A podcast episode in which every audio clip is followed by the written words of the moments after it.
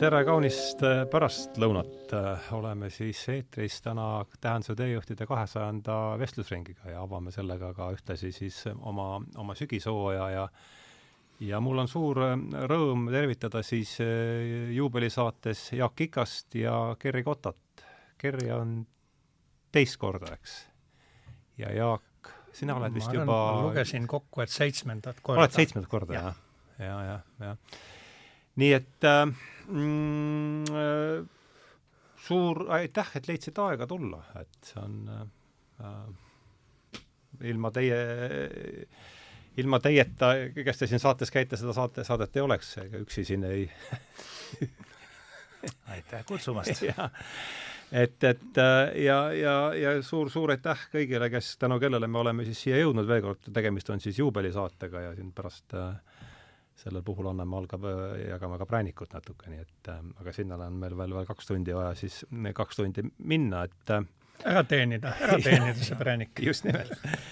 et äh, ja kirjutasin ka saate pea valmis, et kes seda jõudis vaadata, see teab, millest jutt on, aga, aga eks ma räägin üle, et täna see, täna on meid siis kokku toonud David Bohm taas, kellest meil on äh, USA kvantfüüsik, kellest me oleme otseselt rääkinud juba kolmandat korda seal, või räägime nüüd kolmandat korda sarjas, saade üheksakümmend kaks osalesid, aga ah, siis oligi, üheksakümmend kaks olid, oli Jaak ja, ja Mihkel. jah. otsatu potentsiaal, üheksakümmend üheksa. ja hiljuti me kõnelesime uuesti Mihkliga ja jah, see oli sada seitsekümmend kuus, aga siis me vist otseselt minu meelest Boomis, siis oli rohkem niisugune kvant äh... oli vahepeal, Peeter Lauritsaga me rääkisime sellist üldist kvantjuttu ja väljateooriast ja, ja ja, ja, ja, ja aga jah, aga otseselt Boomist jah, on see kolmas. ja, ja siis on absurd, ja siis oli see absurdne loodus, eks ole, mis me tegime Mihkliga.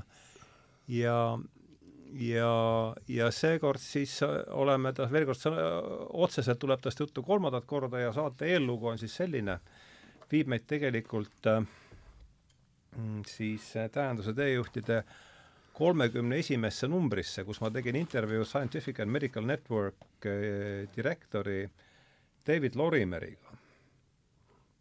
ja ja siin, sellele andis omakorda võib-olla kõige laiema konteksti äh, mõttes oleks hea võib-olla sisse öelda siis see, et et sellele intervjuule andis, ma, ma lugesin tema essee kogumikku Quest for Wisdom ja mõtlesin, et see, see, see teemade ring oli niivõrd lai, et millest ma temaga räägin. Ja siis sel kevadel avastasin ma endale USA religiooniuurija äh, Houston Smithi, kes mulle läks väga, läheb siiani väga korda, ja siis üks lause, äh, mis ta ütleb ühes oma viiekümnendate aastate keskel salvestatud telesarjas, et et mis, mismoodi vaataksid inimesed või mismoodi vaatavad tuleviku ajaloolased viies aasta pärast tagasi kahekümnenda sajandi peale, ma olen seda mitu korda siin sarjas juba ka äh, tsiteerinud, ja et, et tema arvates ei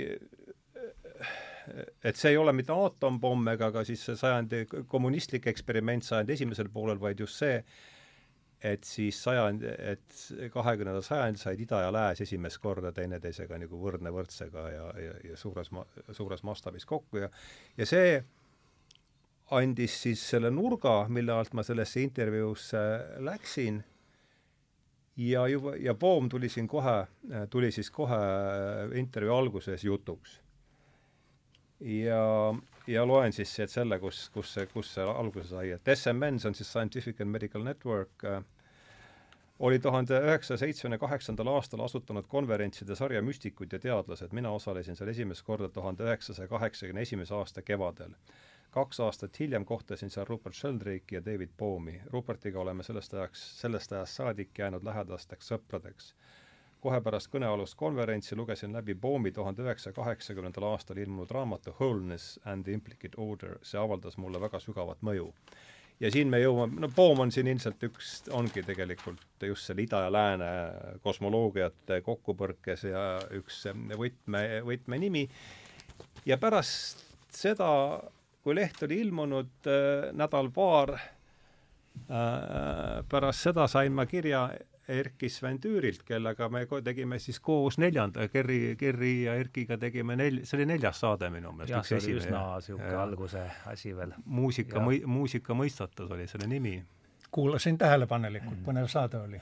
jah, oli, oli jah, see veel kord ja see oli veel, veel kord eh, neljas saade, nii et päris, päris alguses, see pidi olema siis kaks tuhat kaheksateist, ma arvan, et me salvestasime selle märtsis kuskil ja.. jah jaa, mäletan, äh, seal, äh, see oli veel seal Kuku, Kuku raadio stuudios, ja ütles, et tal on kooriteos Questions, mille siis, äh, mis on sisuliselt, ma saan aru, et on vii-, David Bohmi viisistatud intervjuu, eks? jah, sisuliselt, jah jah, ja, ja, ja siis, ja intervjuu teemaks on siis teaduse tulevik ja, ja, ja sealt siis see idee välja kerkis pühendada äh, juubelisaade taas äh, David Boomile just äh, selle teaduse tuleviku nurga alt ja alguses pidi ka Erki meiega olema, aga, aga elu, elu läks teistmoodi, nii et me oleme siin siis täna täna kolmekesi ja, ja hakkame siis, hakkame võib-olla selle nurga alt pihta, et et veel kord püsikuulajatele David Boom ei tohiks olla tundmatu, aga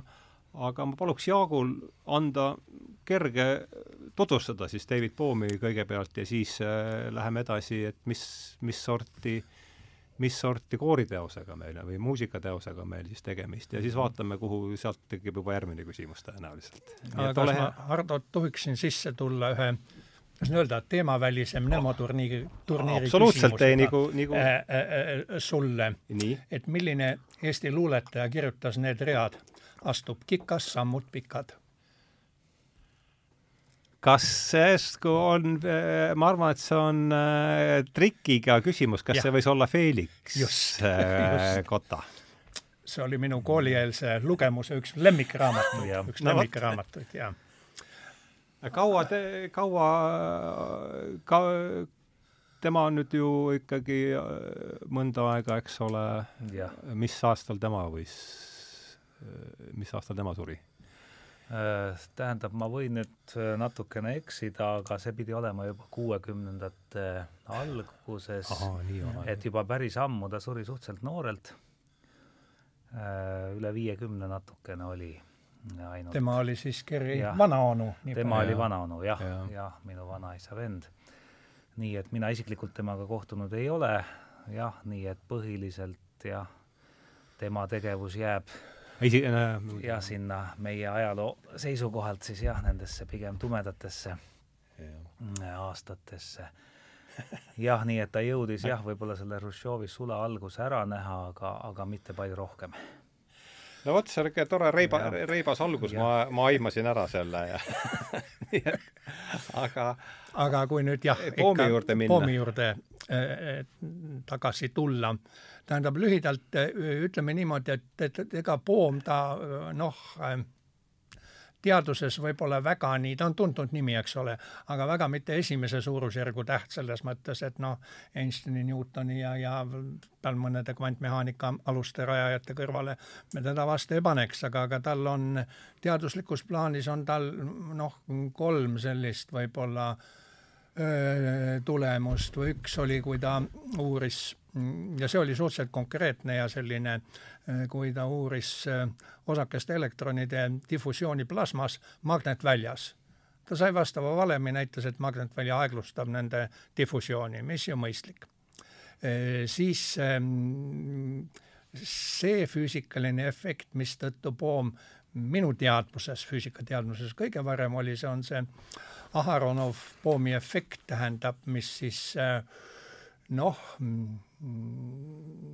näitab meile või demonstreerib seda, kuidas kui nii-öelda, kuidas, kuidas väli võib olemas olla ka seal, kus teda olemas ei ole, mingis mõttes, eks ole, et solenoidist väljaspool jah. sellest ja, on meil varem, sa oled seda varem ka maininud, eks? ja, ja, ja sellest oli meil juttu ja siis, siis veel, siis veel muidugi see Äh, mis ta võib-olla kõige rohkem tähelepanu äratanud, see on see pilootlaine teooria, äh, kvantmehaanika, äh,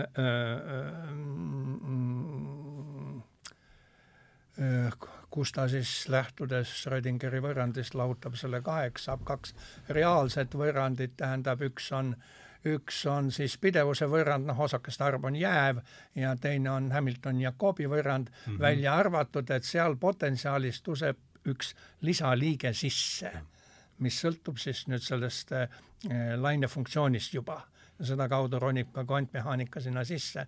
see on kvantmehaanika võimalik kirjeldus, tähendab, see on, matemaatika kõik on korrektne, eks ole, tähendab, aga aga võib-olla ta ei ole ka nii väga-väga suurt populaarsust just saavutanud. see on nüüd see kvantmehaanika tõlgendus, mis on vastuolus või ei klapi Kopenhaageni omaga, saan ma aru või? või, või see on, või see on veel eraldi lugu? see on eraldi, tähendab, ega seal sellest vastuolu ei ole, tähendab see, mm, kuhu ta, kuhu ta ka nagu on see Kopenhaagenil oli ju, ju Niels Bohril oli Einsteiniga see vaidlus, eks ole, et Einstein Podolski Roseni paradoks, eks ole, et, et et kas, kas on ikkagi mingisugune sellega kvantmehaanika taga on veel mingisugune selline tõelisem kirjeldus. noh, pellivõrratused ja nende paikapidamine või pidamatus lasid selle muidugi põhja, tähendab selles mõttes, selles mõttes oli Kopenhaagenil õigus. jah, aga, aga, aga jah, ma ütleme sellest mm, pommiteadusest ma nii palju võib-olla ei tahakski täna rääkida, kuna temast on ka juba ja. räägitud, eks ole, aga rohkem tema sellest äh, filosoofiast ja, ja nendest ja. mõtetest, eks ole, kus tal noh, tähendab see see, see raamat, mille ma, mille ma nüüd äh, ka hoolsasti läbi lugesin mm -hmm. enne seda saadet. Äh, see on koos äh, Francis Beatiga kirjutatud teadus, kord ja loovus, science, order and creativity mm. -hmm. tähendab, kus, kus ta räägib õige, õige paljudest erinevatest äh, asjadest, tähendab äh, üks äh, noh, korra, korra mõiste, ilmutatud ja ilmutamata kord on tal seal üks, üks selliseid põhimõisteid, kusjuures ja sealhulgas ta toob ka muusika vallast mingisuguseid näiteid. tähendab, taga on isiku, taga on indeks, eks ole, indeks, indeksis on üheksakümmend kaheksa isiku nime. võib-olla ei ole keeruline, keeruline ära arvata, kas need kolm heliloojat seal on no Bach tõenäoliselt. jah, Bach on nii. nojah, Bachist ja matemaatikast ja. räägitakse palju. no Beethoven ja Mozart Beethoven on ka Mozart, veel, tähendab ja, sellises küllaltki, küllaltki maja, põhi, põhimaamärgid, jah. ja, ja, ja, ja aga noh, ta, ta viitab ka moodsamate nende mm. muusikasuundade peale ja aga seal ta nimesid ei too, tähendab, ei, ei too kedagi nimeliselt välja. aga sissejuhatuseks. jah. Äh, aga lähme siis mm. -hmm. aga jah, et äh, teaduses äh, nagu Jaak ütles, et nimi pole tundmatu, aga mitte esimese järgu täht, ometi mm -hmm on Erki valinud just tema intervjuu, et kuidas, räägi palun nii palju, kui sa tead sellest, mis, mis la-, ma muidugi kuulasin ta kohusetund-, niimoodi ka läbi, aga ega sealt -hmm. niimoodi kõrv ju sõnu naljalt on sealt keeruline kinni püüda, eks et räägi palun, mis, mis, mis laadi teosega, mis, mis, mis selle, mis selle sünnilugu on ja siis vaatame, kus see jutuajamine meid siit edasi sõnad ma kirjutasin välja, sa võid neid vaadata. jah. Noh, ma võib-olla sellisel teose ajalool väga pikalt peatuma ei hakka, sest siin mul natukene on nagu kodutöö tegemata, tähendab, nii palju tean, et tegemist on äh, võrdlemisi sellise pika sünnilooga teosega, millest ja. oli algselt äh, mingisugune variant seal juba, juba esimesest kümnendist, vist kuskil umbes aastast kaks tuhat seitse ja siis on ta nagu mm, äh, ümber töötatud, edasi arendatud äh, äh veel hiljem.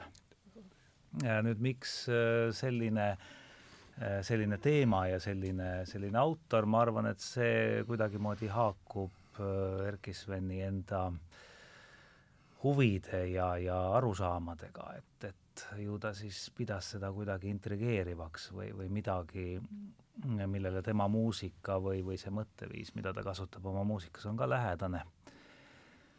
Äh, et kui vaadata üldse, mida, mida Erkki Sven Tüür on oma, oma loomingus kasutanud, siis äh, ega need tekstid äh, reeglina ei ole sellised klassikalised luule, klassikaline luule, eks ole, nagu, nagu võiks eeldada, vaid pigem on just nimelt, et see on seal Dalai-laama või, või, või, või kellegi tsitaadid, ühesõnaga ta äh, et tundub, et, et teda huvitab pigem jah, mingisugune mõte, kindlasti ka võib-olla mingi poeetiline vorm, kuidas on öeldud, aga kindlasti see, see mõtte või sisu pool on, on talle kindlasti olulisem äh, kui, kui lihtsalt see, et see asi on võib-olla esteetiliselt äh, ilusasti äh, välja öeldud või mingis kunstipärases vormis välja öeldud. Ja võib-olla ka mingisugune mõttetihedus ja kontsentratsioon, sellepärast et mulle tundub, et see, kuidas ta oma, oma muusikast ka mõtleb ja, ja neid muusikalisi struktuure organiseerib, et et sellel on midagi väga olemuslikult sarnast nende mõtetega, mis selles teoses siis ka noh, nii-öelda sõnade kaudu saavad väljendatud. Mm. -hmm no ma arvan, et see, see, see raamatu -hmm. pealkiri, mille, mille Jaak siin läbi töötas, et see, ma, ma arvan, et see, et on, see, see kolmnurk on päris paljulubav siin, et veel kord siis science, order and creativity, see on siis teadus, kord ja, ja loovus, et ja. mis, mis raamatust jäi ja, ja, ja noh, loomulikult me Äh, meid huvitab äh, siis Poom siin eelkõige filo-, selline Poomi filosoofiline pool, sest kvantfüüsikas no ei, ei suuda me siin mõned, kanna, ka, mõned, mõned märksõnad võib-olla tähendab Poom, ta mingis mõttes nagu eitab või vaidleb vastu sellistele väga järskudele või hüppelistele muutustele, kas siis teaduses eneses või, või ka, ka väljaspool seda äh, no ta polemise-, polemiseerib mingis mõttes nagu Kuuniga, eh, Kuuniga, eh, Kuuni noh, nende paradigmade muutuste teooriaga ja ütleb, et tegelikult, et, et ka paradigma muutuste vahelisel perioodil, kus nagu toimub selline rahulik areng ja väga nagu midagi ei, ei muutugi, no vähemasti näiliselt, tegelikult toimuvad olulised sisulised arengud noh, mis, mis lõpuks kuhjudes nagu viivadki selle silmaga nähtavama paradigma muutuse juurde. no viitab sellele, et tegelikult see äh, Hamilton Jacobi formalism mehaaniliste süsteemide kirjeldamisel. Äh,, noh, see oli siis äh üheksateistkümnenda sajandi keskel välja töötud, et see eh, viis tegelikult juba päris lähedale kvantmehaanikale või kvantmehaanika mõistete juurde või, või tähendab see noh Jakobi Hamilton oli see? Jakobi Hamilton, jah. Kus siis jah, aga, aga tal on neid, tal neid näiteid veelgi.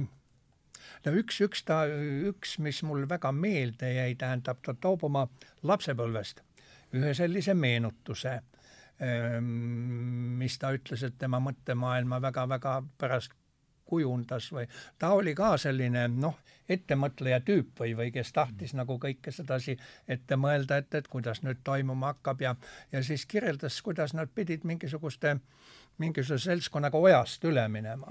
ojas olid sellised kivid, eks ole. dokumentaalfilmis oli ka see lugu, jah? kivid, kuhu peale astudes noh, võis üle saada ja tema kujutas esialgu täpselt ette, et vaat nüüd ta läheb selle esimese kivi peale, seisab seal, siis ta läheb järgmise kivi peale, seisab jälle ja läheb nii edasi aga siis reaalsuses sai ta aru, et, et kui ta hakkab selliseid vaheseisundeid fikseerima, siis ta kukub ette ta ei saagi sellest ojast üle ja tema ja, ja. ainus võimalus on sedasi sujuvalt kivilt kivile hüpates sealt mm -hmm. üle mhm. saada.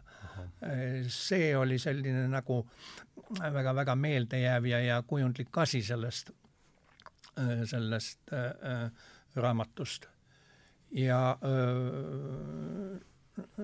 noh, mis ta veel räägib? räägib näiteks äh, keelest. ma ei mäleta, kas meil siin keelest on mingites saates kindlasti keelest räägitada ja väidab seda, et, et, et, et vot see meie, meie keel või meie keeled või, või noh, on väga nimisõnapõhised.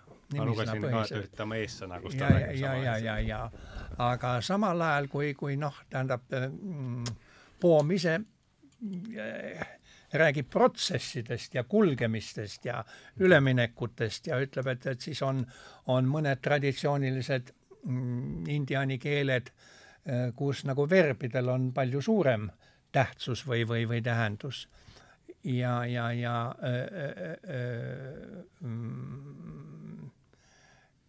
ja seetõttu noh, on, on mingid asjad, mida, mida meie keel kinni ei püüa või, või mis on palju loogilisem kirjeldatavad just, just taolises äh, keeles.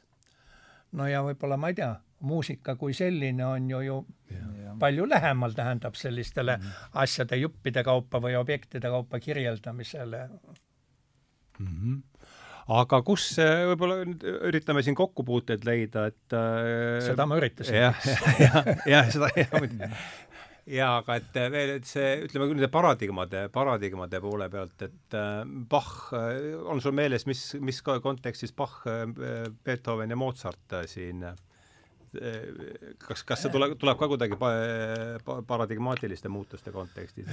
tähendab, võib-olla mitte nii väga, tähendab, millest ta räägib, ta räägib sellest eh, ilmutatud ja ilmutamata korrast Aha. ja sellest, et, et, et, et mõnedel heliloojatel eh, noh, küllap ka siis dirigentidel, kui nad esitavad seda teost mm, on nagu selline võime või nägemus, nad saavad nagu korraga, korraga seda asja oma peas või, või meeltes või, või kus siis iganes hoida mitte niimoodi jupphaaval, eks ole, tuleb see takt, vaatab partituurist, ütleb järgmine takt, ta-ta-ta, aga teil on see suur pilt mm -hmm. on kogu aeg peas nagu mm -hmm. ja, ja ütleb, et, et, et heliloojatel ka võib-olla, kellel seal rohkem noh, ütleme, et Beethoven võib-olla mõtles või vaatas rohkem sedasi jupiti või, või aga et, et neil noh, neil peab see olema lihtsalt mm. -hmm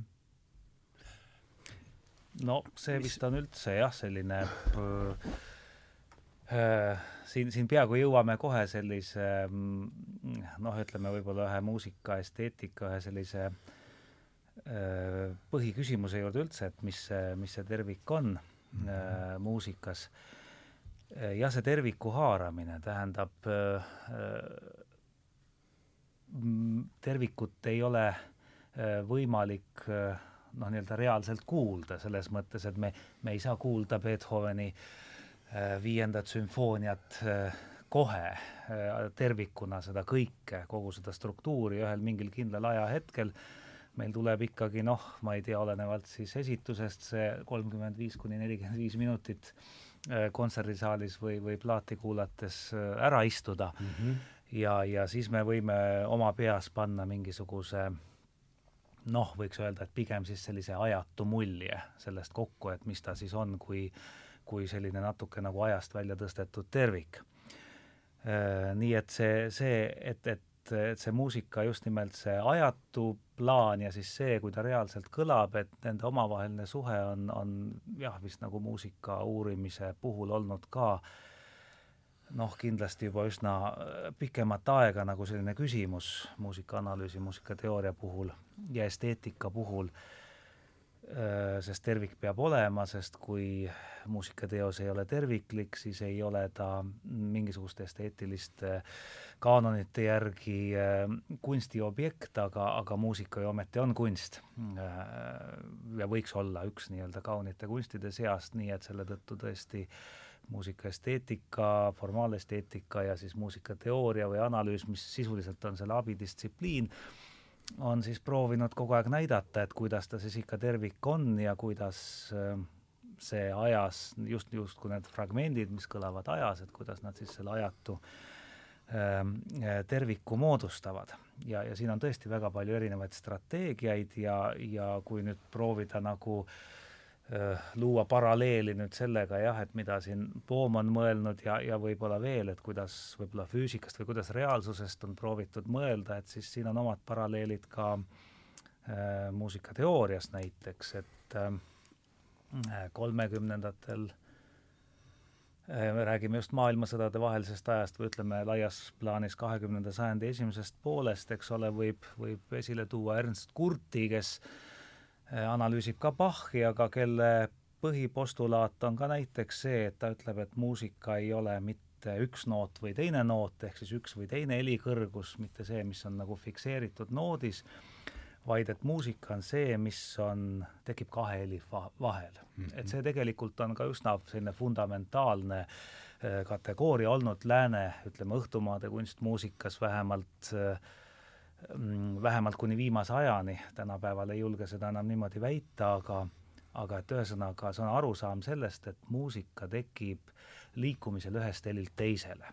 nii et see on see midagi, see midagi seletamatut, midagi teinekord ka hoomamatut, aga ometigi tunnetatavat, aga väga raskesti kirjeldatavat, et see, mis toimub ühelt noodilt teise äh, liikudes, et ma olen mõnikord äh, tudengitele ka toonud näite, et et kui ma näiteks ütlen lihtsalt pa, et ja küsin teilt, et noh, et mis, mis muusikas oli või mis teos see oli, siis keegi reeglina noh, ei oska ju sellele küsimusele vastata, aga kui ma nüüd lisan siia mõned noodid pa-pa-pa-pa, eks ole, meil on nüüd juba kaks erinevat helikõrgust ja, ja ka väike rütmiline nüanss juurde lisatud. Mm -hmm. ja reeglina vähemalt õhtumaise kultuuriruumis viibivatel inimestel pole raske ära tunda, millega on tegu.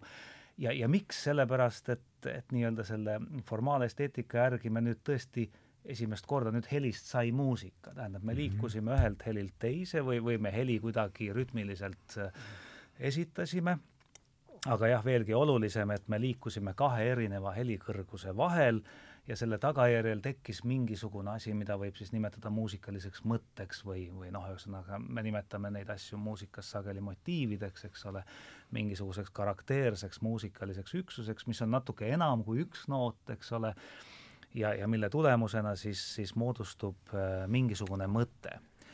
ja, ja, ja Ernst Kurt ütlebki, et muusika on äh, äh, liikumine, et see ei ole mitte üks noot või teine noot, vaid liikumine nende vahel. siit tuleb muide üks väga huvitav järeldus, järelikult see, mis on noodis kirjas, ei kirjelda muusikat nii et kui me võtame Beethoveni viienda sümfoonia partituuri, siis seal me näeme ju ainult noote, eks ole, instrumente, nende partiisid, noote, aga need on nüüd need, mille, millest milleni liikumisel muusika tekib, aga need noodid ise ei ole äh, muusika eraldi võetuna.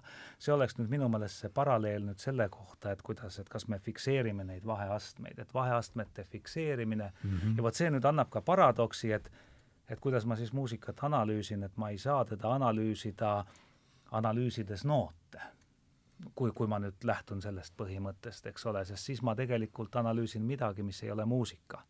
midagi, mis võib-olla laseb küll, mis on küll raamistus, laseb muusikal tekkida, aga see oleks siis just, kui ma püüaksin nende kivide mõelda, et see on seesama asi just, et, et kui ma fikseerin iga kivi nagu eraldi, siis ma olen küll justkui nagu midagi kirjeldanud, aga ma tegelikult ei ole kirjeldanud muusikat või tulles selle kivide Äh, juhtumi juurde ma tegelikult ei ole kirjeldanud seda liikumist üle selle oja, ma olen kirjeldanud midagi muud, ma olen nagu, ma olen nagu mööda pannud. tegelikult kukud sa ikka oia. jah, ehk et kukud oia, ehk et äh, kukud läbi oma analüüsi äh, näiteks tehes, noh, midagi sa ütled, midagi sa kirjeldad, aga, aga ja, ja selliseid analüüse on tehtud ja, ja ja on huvitav vaadata praktikas, kuidas need asjad nagu ei tööta, sest muusikud tunnevad, ka need, kes ei ole võib-olla analüüsijad, vaid kes on lihtsalt praktiseerivad muusikud, nad tunnevad nagu intuitiivselt, et see asi ei tööta, et, et, et see ei ole see, mida nemad teevad. jah see on see dihhotoomia selle analüüsi ja, ja praktika vahel, nii et selle tõttu jah, teooria või analüüs on proovinud ka leida, leida vahendeid, äh, kuidas siis seda kirjeldada. ja mulle tundub, et, et, et need ideed on nagu Erkki Sven Tüürile ka väga olulised mm. -hmm. sest Erkki Sven Tüür ka ei kirjuta muusikat nii, et ma nüüd kirjutan mingisuguse noh, noh, umbes nagu nii, nagu me kirjutame võib-olla mõnda poplaulu, et ma mõtlen mingi huvitava motiivi, mingisuguse meeldejääva meloodilise jupi, no ja siis ma ehitan, produtseerin sinna ümber mingisuguse asja, mis, mis laseb sellel veelgi efektsemalt esile tulla. vaid äh, ka Erkki Sven Tüüri muusikas on nagu võimatu tegelikult öelda, et kus siis on see, see asi millest see muusika on tehtud, sest seda mingis mõttes ei ole, ta alustab mingisugustest väga atomaarsetest ideedest mm., isegi väga abstraktsetest, ütleme, kui me räägime sellest vektoriaalsest kompositsiooni põhimõttest, et et tal on seal tõesti mingisugune kood, mis siis justkui nagu ajas komponeerib põrkudes, ma ütleksin niimoodi siis, et põrkudes justkui helilooja igasuguste erinevate muljetega. Hmm, ta siis kodeerib ennast justkui lahti, et mm., et mõnikord võib mingisugust epigeneetika või mingit sellist analoogiat kasutada, et, et, et et see on kood, mis ise on suhteliselt passiivne ja mitte midagi ütlev võib-olla esmapilgul, justkui nagu geneetiline kood, aga nüüd ta põrkub veel mille, millegagi ja see paneb ta nüüd ennast teatavas vormis öö, avanema, ennast lahti komponeerima, ta hakkab ennast kuidagi dubleerima, kuidagi keerukustama ja selle tulemusena siis tekib selline äh, iseenesest koherentne äh, nagu struktuur, aga on väga raske öelda, missugusel struktuuri lahtirullumise hetkel see struktuur on valmis või et, või et kuna seal tekib siis midagi sellist, mida võiks tinglikult vaadelda mingi objekti või mingi entiteedina, mis on nagu lõpetatud või tervik, et see on ka selline väga protsessuaalne. Mm sealsamas äh, eelpool viidatud Tähenduse teejuhtide neljandas saates äh, seal jooksis kaunis alguses sisse üks mõiste, äh, mis füüsiku hinges kohe midagi helisema pani. see oli see spektrogramm. ahah, jah, ma mäletan õigesti. siitkaudu tuleb sisse kohe füüsikas määramatuse printsiip. Ja. nii kvantmehaanikas kui ka, ka signaaliteoorias, eks ole, et kui sul on, on ajas hästi lühikene signaal, siis tema spekter on, on lõpmata ulatusega, noh, valge müra võid öelda mm. -hmm. või teisipidi, kui sul on, on äh, hästi puhta tooniga tegemist. aga puhas toon tähendab, see peab ulatuma ajas lõpmatusest lõpmatuseni. no lõpmatu pika ulatusega tegelikult. no seal on siis sul üks, üks, üks kindel, üks kindel helikõrgus või üks kindel, äh, kindel energia või, või, või äh, noh ku,, kuidas just aga nüüd samast teemast veidikene edasi, et, et Ardo, et kui, kui sa kuulad kahte heli, see on füüsika ülesanne tegelikult. Eh, üks on nelisada nelikümmend hertsi ja teine on nelisada nelikümmend koma üks hertsi. mida sa siis kuuled tegelikult? ma arvan, et ma kuulen, ma, mina arvan, ma ei tee vahet seal. teed küll vahet, tajuna teed sa väga vahet. tuiklemine, tuiklemine tekib see on no, see, tuum saad erineva tämbri võib-olla per, peri, peri, perioodiga umbes see null koma üks määrab perioodiga umbes kümme sekundit. see heli läheb tugevamaks ja vaibub, tugevneb, vaibub, tugevneb, vaibub hmm.. vaat, vaat sellised tähendab äh, väikesed trikid või, no või tajutrikid tegelikult. et sa ei tajuks jah kahte heli, aga sa tajud justkui nagu ühe heli et ta on nagu sisemiselt dünaamiline, et ta ja, ei ole ja. nagu jah, taju mõttes. Jah, seda, seda tuiklemist äh, on ju ammu juba avastatud ja seda minu meelest on väga edukalt kasutatud näiteks oreli esi, erinevate registrite ehk tämbrite äh, ülesehitamisel, et kui on vaja anda mingit teravamat tämbrit, siis tuleb lihtsalt jah, panna kõrvuti kaks vilet, vaadata, kui suurt tuiklemist äh, ja nagu ajaliselt ja, ja, ja võib-olla seal ka amplituudi mõttes seal, seal tahetakse.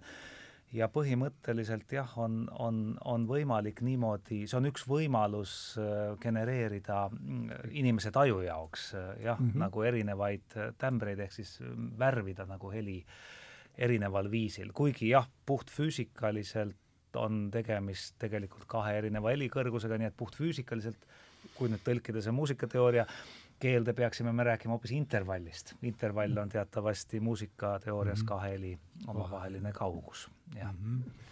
aga me tajume tämbrina, nii et tegelikult ka muusikas on väga raske öelda, kas intervall on intervall või on ta hoopis tämber või on ta hoopis veel midagi no see on üks põhjatu teema, akustika üldse, kui me võtame ka üksikheli, siis kas see on ikkagi üksikheli või on tegemist tegelikult juba harmooniaga, kui me niikuinii mõtleme osahelide ja kõige selle peale, noh, et muidugi on olemas selline asi nagu siinusheli, aga, aga isegi siinusheli ütleme, on pigem selline teoreetiline konstrukt, sest kui lasta mm. siinusheli läbi kõlarite, siis kõlar hakkab mängima kohe pillikorpusena ja tegelikult genereerib sinna juba kohe midagi, midagi, midagi juurde, juurde, jah, mida seal algupäraselt justkui signaalis ei ole mm. -hmm. ja nii et äh, no see on see, see on seesama asi, et kui ma teen tahvlile punkti, et see ei ole ju enam, enam, enam punkt, eks, et see on mingi, mingi ahah, kui sa nüüd seda punkti nimetasid, tähendab siis äh, võiks selle korra juurde tagasi tulla, sellepärast et äh, Poomil ta, ta kirjeldab seal kolme sellist vägagi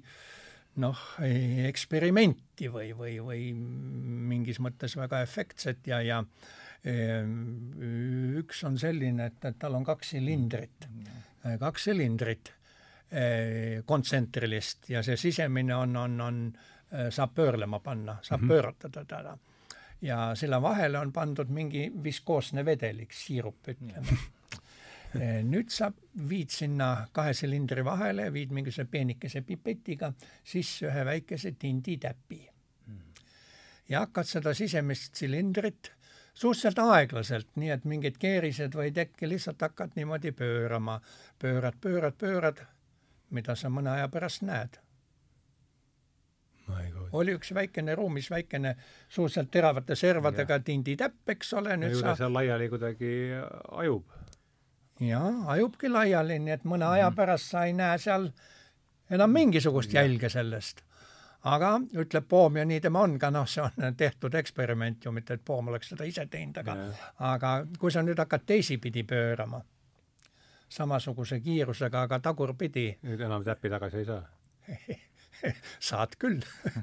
Saad küll, päris hästi saad täpi tagasi, päris hästi saad täpi tagasi, niivõrd-kuivõrd, no on aeglane difusiooniprotsess veel, aga, aga täppi, täppi saad tagasi, ta kerib ennast uuesti kokku, kui sa veidikene mõtled. tähendab, see Seda... on, see on efekt, tähendab, millel on tegelikult ka sellised noh, mitmesugustes teistes valdades analoogiad olemas. mis see otsingusõna võiks olla, kui ma seda nüüd, et selle kohta tahan pärast teada saada umbes, mida, mis katse või mis see on?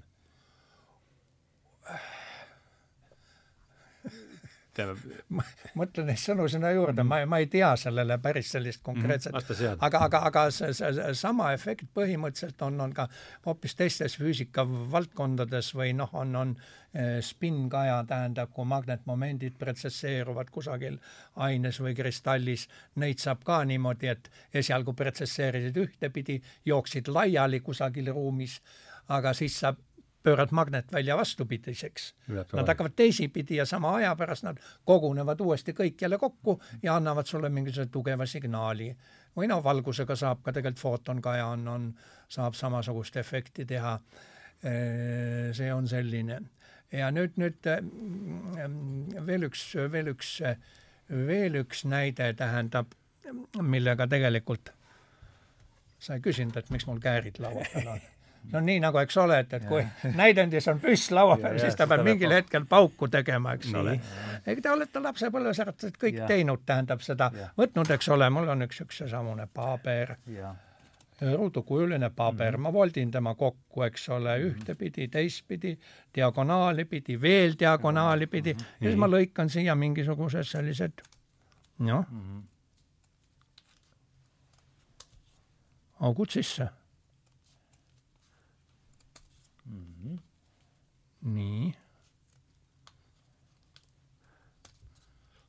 no teeme veel ühe augu, et uhkem oleks.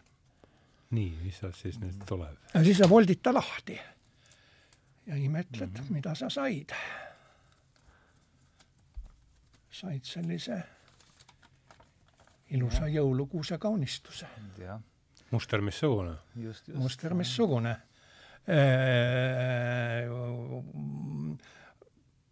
valetavad need, kes seda lumehelbeks kutsuvad, sellepärast ja, et lumehelge sümmeetria on kuuendat järku teistsugune, see ei ole selline ruuduline.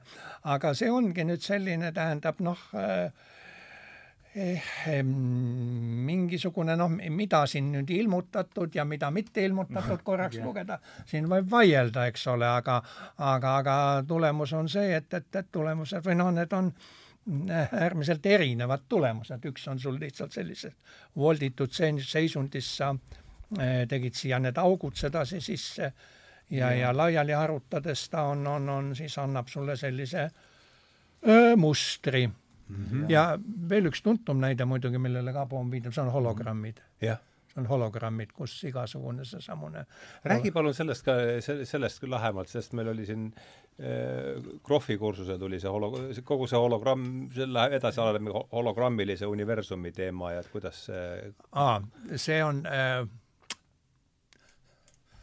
see on seotud asjadega hologrammilise või, või äh, on selline asi nagu äh, äh, holograafiline paradigma see on veidike seotud, aga veidike erinev asi, me võime selle juurde ka tulla, aga klassikaline hologramm, eks ole, et, et, et sul on koherentse valgusega valgustad mingit objekti ja. ja seal on siis sul kusagil kõrval on fototundlik materjal, osa sellest esialgsest valgusest hajub objektilt, osa langeb sinna sellele fototundlikule materjalile ja sinna sisse salvestub selline seisulainete pilt mm, -hmm. erinevad intensiivsused ja osutub, et, et kui sa seda pilti nüüd eh, noh, uuesti sama laseriga valgustad, sa näed seda esialgset objekti, tema ruumilist kujutist, ruumilist kujutist selles mhm. mõttes, et kui sa liigud ka selle hologrammi suhtes, ta mhm. käitub nagu reaalne ruumiline objekt, tähendab ta nagu tõepoolest oleks seal midagi.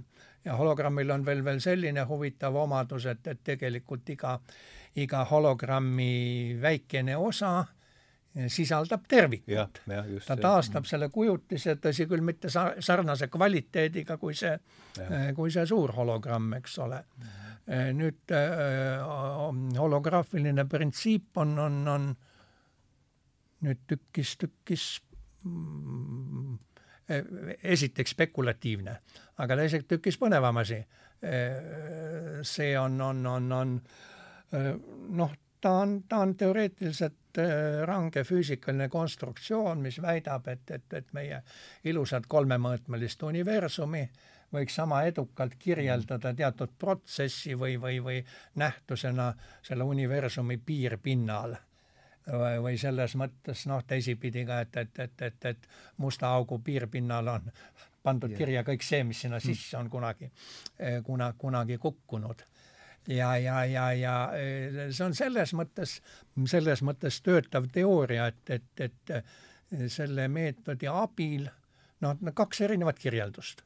Eh, kas sul on siis see kolmemõõtmeline reaalsus mm -hmm. või sul teatud protsess tema piirpinnal. mis tähendab piirpind? mis tähendab universumi piirpind või mm,? küsi, küsi, küsi midagi lihtsamat küsi midagi lihtsamat, tähendab äh, mm, äh, selles mõttes, et, et, et, et, et noh, lõpmata kauge või hästi kaugel asetsev pind või, või, või mm -hmm. oluline see, et ta, ta on kahemõõtmeline. ta on kahemõõtmeline ja, ja, ja temal äh, nagu ekraan, nagu mingi ekraan siis või?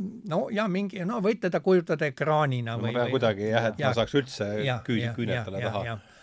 aga, aga et, et, et osutub, et on, on mingid füüsikalised ülesanded, mida on lihtsam lahendada just sellises kahemõõtmelises mm -hmm. universumis või, või piirpinnal äh, kui kolmemõõtmelises ruumis ja neid on tõesti olemas mm -hmm. ja seda, seda võtet on kasutatud ka ja, ja aga noh, on selge see, et, et, et meil, meil tegelikult ju meie reaalses elus noh, läheb raskeks vist, kui me kujutame ette, et me tegelikult oleme kusagil kusagil kahemõõtmelisel pinnal või, või, või piirpinnal. mis see ingliskeelne see universumi piirpind, mis, mis võiks olla seal see?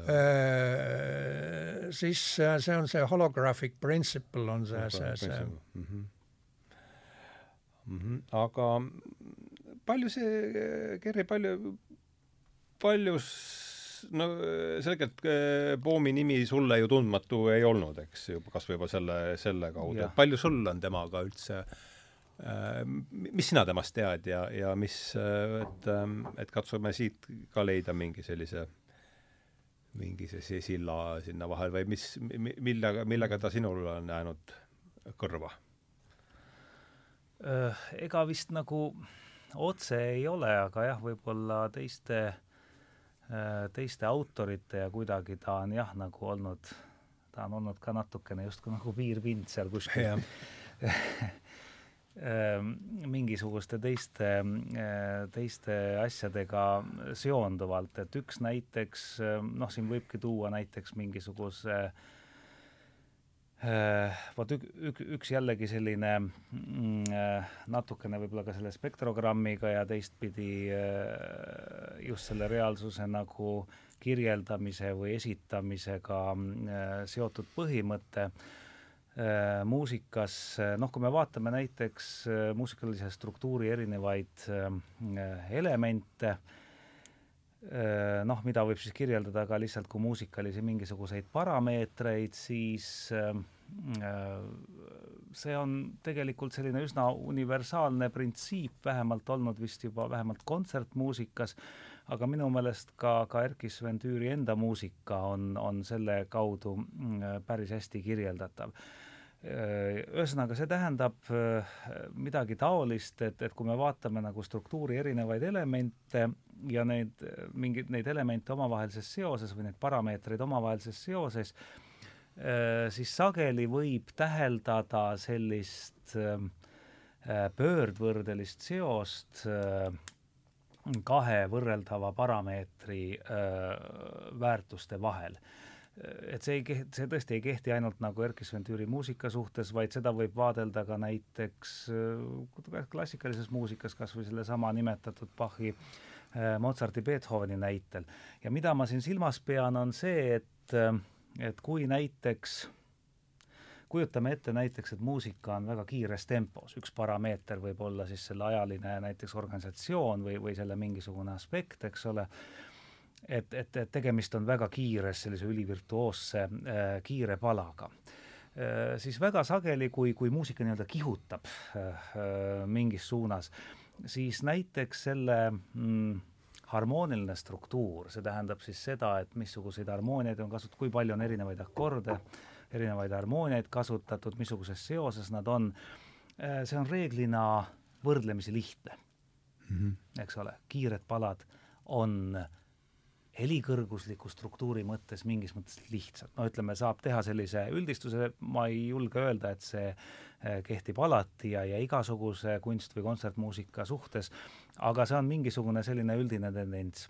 ja, ja kujutame nüüd ette näiteks, et see muusika pigem muutub aeglaseks ja ütleme, et näiteks see rütmiline aspekt eh, läheb tagaplaanile, no rütm on paratamatult alati olemas, sest mingi ajaline organisatsioon on alati olemas, aga ütleme, et ta ei ole nagu esteetilise kategooriana esiplaanil, Äh, teda ei rõhutada igal, igas mõttes ei ole keeruline, ta ei ole nagu siis see peamine ütleme, see parameeter, mis, mis kannaks seda põhiosa sellest muusikalisest informatsioonist, mida see hetk soovitakse anda, äh, siis väga sageli on niimoodi, et muusika muutub harmooniliselt keerukaks. aeglane muusika sageli on, kui me räägime kunstmuusikast vähemalt, on äh, harmooniliselt nõudlik, me võime näiteks mõelda kas või praegu siin Brigitta festivalil kõlanud jälle Wagneri ooper Tristan ja Isolde, eks ole, selle avamäng, mis on, ütleme, tonaalse harmoonia seisukohalt äh, selline piiripealne näide, ülimalt keerukas äh, harmooniline struktuur mille puhul siiamaani äh, puudub ka muusikateoreetikutel nii-öelda üldine arusaam selles, et mis helistikus see üldse kirjutatud on.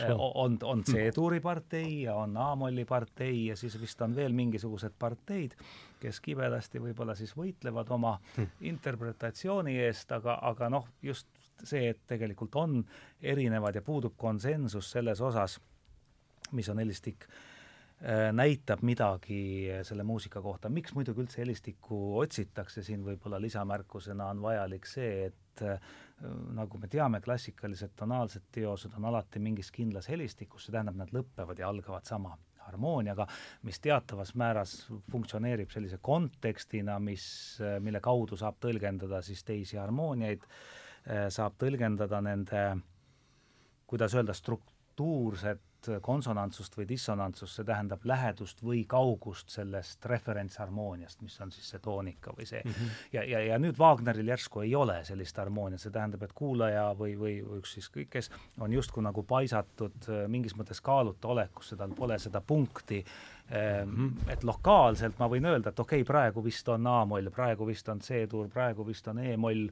ja nii edasi, aga, aga need on sellised hetkelised välgatused, sageli läheb üks-kaks äh, akordi harmooniat muusika edasi ja me oleme juba täiesti uues kontekstis.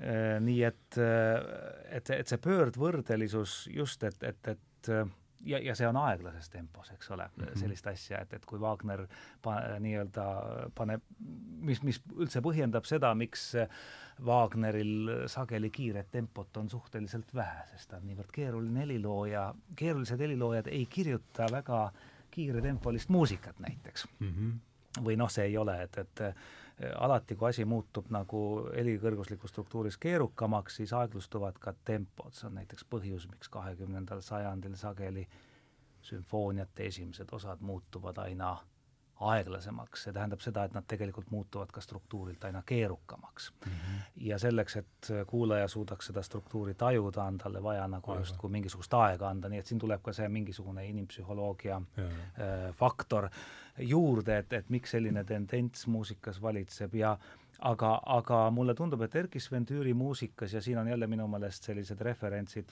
Boomiga ka, Äh, on, on just nimelt äh, oluline see, et äh, ma rääkisin enne sellest koodist, mis tal on, eks ole, selles vektoriaalse komponeerimispõhimõtte nagu selliseks abstraktseks aluseks, ja nüüd on huvitav, et tegelikult tõesti on võimalik, et see komponeerib ennast lahti mingisuguse näiteks vertikaalina, harmooniana mis on suhteliselt nagu ajatu mingisuguse plokina, eks ole, mis lihtsalt kõlab, mingisugune keerukas, võib-olla suhteliselt dissoneeriv harmoonia, aga see võib ennast äh, lahti komponeerida ka pigem mingisuguse äh, ajalise sellise noh, ütleme helijärgnevusena, me võime seda tinglikult nimetada meloodiaks või võib-olla liiniks rohkem kahekümnenda või noh, kahekümne esimese sajandi muusikas. Äh, aga mis on nüüd nagu võib-olla et mitte nagu teemat silmist kaotada, selle teose questions, küsimused puhul oluline on see, et et see on ju ka nii-öelda vektoriaalne teos, see tähendab, ta alati ennast komponeerib lahti üks ja seesama kood, ehk et siis see on sellesama meetodi alus ja, ja loodud see, teos, teos, aga seal on nüüd huvitav, et kui kõlab see küsimus, seal kõlavad küsimused ja siis sellele järgnevad nagu vastused, eks ole mm. -hmm. et kui kõlab küsimus, siis see küsimus reeglina on äh, antud sellises akordilises faktuuris mm. -hmm ja on huvitav, et nendes vastustes nüüd see justkui vertikaalne mõõde alati järgnevas vastuses kerib ennast ajaliseks. see tähendab, et sama printsiip aga avaldub nüüd ajas lahti äh, rullituna, see, mis on enne vertikaalne, muutub nüüd vastustes nagu horisontaalselt, nii et seal tekib selline omamoodi rotatsiooniline või mõnikord öeldakse ka stroofiline vorm, et alati jõuame taas küsimuse juurde, see esitatakse vertikaalsena, justkui ajatuna, ja, ja siis ta kerib ennast, mis tähendab, et muusikaliselt tekib huvitav olukord, kus tegelikult vastus on mingisugusel abstraktsel tasandil täpselt seesama asi, mis küsimus mm. ainult et tema avaldumisvorm on, on teine, et seda on alati huvitav vaadata jah, kuidas muusika suudab äh, vot mulle tundub, et Erkki Sven Türil on selline, selles mõttes on ta muidugi Beethoveni traditsiooni jätkaja, et et selles on minu meelest midagi filosoofilist, kuidas ta muusikalise struktuuriga opereerib mm Äh, Poom oma raamatus räägib ka sellest või ta selle võrdleb siis äh, tonaalset äh, muusikat kõigi nende moodsamate muusikasuundadega. selles samas raamatus. selles samas raamatus mm, -hmm. aga, aga, aga ütleb ka niimoodi, et, et noh, see nagu nõuab kuulajalt teatud ettevalmistust, kui sellist noh, tonaalset muusikat kuulama harjunud inimene visata äkki sellise uue muusika sisse, siis see tundub talle mingisugune jama, absurdi, kakofooniana, arusaamatu asjana, eks ole. nii et seal on vaja kuulamise kogemust või, või, või sellist harjumist või harjutamist või et, et seal on, seal on vist see eh, põhjus eelkõige, et, et, et kui me nagu, ja me kasvame paratamatult üles, eks ole, tonaalse muusika kontekstis ja mul on tunne, et isegi veel tänapäeval. Et, et, et, et, et kui vanaema meid hoidis, siis, siis võib-olla tal, noh, mõjub tänapäeva noorele, et kui vanaema teda hoidis, siis võib-olla vanaemal mängis raadio Elmar, mis tähendab, et enne kui see laps hakkas üldse rääkima eelverbaalsel tasandil, ta sai koodi, mis on muusika, tähendab, et kuidas muusika on organ-, ta ei pea midagi seda analüüsima, aga, aga, aga ta omandab intuitiivselt mingisugused harjumused ja, ja probleem on nüüd selles, et tonaalses Aga, muusikas äh, dissonants on äh, kuidas öelda, ta on nagu asi, mida tuleb ettevaatlikult käsitleda, tähendab, dissonants on nüüd eemaldumine sellest, kuidas öelda, normaalsusest, mis tähendab, et tonaalses muusikas loomulikult seal on ka dissonantsid, aga aga nad lahendatakse alati normaalsusse tagasi ja selle mm -hmm. lahenduse kaudu antakse neile nagu mõte, tegelikult dissonantsid on muidugi ekspressiivse väljendusliku äh, konteksti loomiseks vajalikud, aga uues muusikas äh, võib öelda, et, et seal minu meelest on olemas teatav semantiline nihe, et et kui nüüd kuulata tonaalsete kõrvadega uut muusikat, et siis tegelikult just nimelt tekibki tunne, et kuna seal on palju dissonantse ja need ei lahene kuhugi, siis tekib selline intuitiivne tunne, et tegemist on äh, täiesti valesti komponeeritud muusika, mis läheb just nimelt kakofooniaga, mis, mis äh, ja, ja see on tõesti jah, teatav selline harjumuse muutmine, et, et näha seda dissonantsi mitte enam vabastatuna nii-öelda sellest tonaalsest universumist äh, näha seda teatava autonoomse nähtusena, mis on lihtsalt sellisena mingi asi ja mis ei pea tingimata olema äh, seotud mingisuguse sellise väljendusliku kvaliteediga, nagu tal on tonaalses muusikas. aga ma arvan, et ei ole mhm. halb üldse seda mõistet veel üle defineerida, tonaalne ja, ja atonaalne, kas see atonaalne on see Schönberg ja kõik, kogu see jaa, atonaalne, noh, just nagu muusika sealt alates jah, nagu muusika mõisted alati on see, on see mõiste selles mõttes muidugi lingvistiliselt või keeleliselt natukene kööbakas, atonaalne tähendaks justkui A on siis eitus ja, ja, ja toon, toonus on, on heli, see oleks siis justkui helideta või toonideta muusika, mis on muidugi jama. tegelikult muidugi äh, Schönberg hakkas kirjutama atonikaalset muusikat, see tähendab muusikat, millel puudub nüüd keskne see referents, harmoonia või heli mm, -hmm. mida me tonaalses muusikas tunneme toonikana, aga jah, kuna ta atonaalsena on juba käibele läinud, siis ega keegi Äh, seda viga enam parandama ei hakka, aga noh, muusikateooria ajalugu ongi üks viga teise otsa ja siis nende vigade põlistamine, nii et äh,, nii et eks ta nii on, see on Vana-Kreeka laadidega läks täpselt samamoodi keskajal, nii et äh, jah, see on, see on, see on vist elu. Kuna sina, Hardo, küsisid seletust, siis küsin mina ka seletust siit juba paar korda on läbi jooksnud selline termin nagu vektor või vektoriaalne, tähendab. ja see, see tõi mulle ühe ajaloolise meenutuse, et kuskil üheksakümnendate keskel ma istusin, mingi nõupidamine oli. seal ei olnud mitte ainult füüsikud, seal olid ka bioloogid ja kes iganes ja, ja mingid molekulaarbioloogid tegid mingisuguse ettekande ja Endel Lippmaa oli ka seal ja siis seal jooksis ka see vektor läbi vektor ja vektor, aga seal oli see mingisugune, nii palju kui mäletan, mingisugune molekulaarne rühm või, või objekt või viirus või mis kandis üle mingisugust sellist geneetilist informatsiooni. aga mina seda ei teadnud, aga, aga siis, siis ma küsisin nagu seletust. Ja mulle seletati ka. Ja selle koosoleku lõpus ütles või ütles Endel Lippmaa sedasi, et, et no selle koosoleku kuivprodukt on nüüd see, et Kikas sai teada, et vektor ei ole ainult selline pulk, millel nool otsas on. Äh, tähendab siin muidugi jah, see tegemist, äh, vektor ei ole muidugi muusikaanalüüsis või muusikateoorias selline üldkäibiv mõiste, et see tegelikult ongi rohkem Erkki Sven Tüüri enda poolt äh, käibele võetud selline noh, ma arvan, tuleks teda isegi käsitleda teatavas mõttes metafoorina. Mm.. Äh, Erkki Sven Tüür, nii palju kui mina olen aru saanud, mõtleb äh, selle all äh, seda, et et kui tal on nüüd ütleme, see mingisugune abstraktne kood, mis võib olla lihtsalt mingisugune vägagi lihtne numbrijada, siis järgmine mm, kompositsiooniprotsessi nagu järgmine äh, hetk on äh, sellest mingisuguste suunatud äh, kas ta on siis protsess või, või mingi suunatud disainiga struktuuri, võib-olla mingi baasstruktuuri või korra äh, ülesehitamine ja mul on tunne, et seda suunatud, vot mm -hmm. nüüd selle, seda nii-öelda selle koodi esmast või ka selle kõiki järgnevaid avaldumisvorme, sest nad ei ole kunagi lihtsalt, tähendab, Erkki Sven Tüüri ei kirjuta selles mõttes serialistlikku muusikat, et ta ei võta nüüd see mingi kaksteist heli, eks ole, ehm, ja, ja lihtsalt nüüd ei kasuta teda erinevates permutatsioonides ja, ja, ja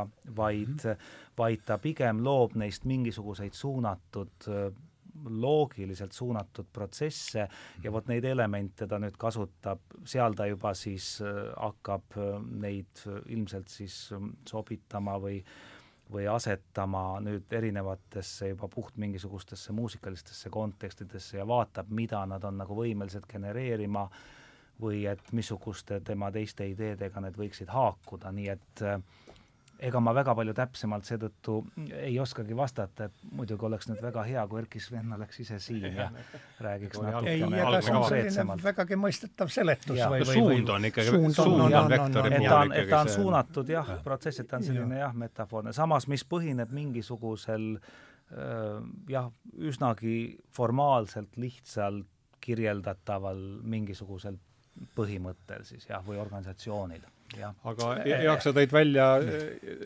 tõid välja kaks pilti, ma näitan tõin oma... välja kaks pilti, jah. nii, aga sul oli kindlasti mingi mõte nendega? jaa, mul oli mm -hmm. mõte ka. Äh, tähendab, see äh, esimene pilt.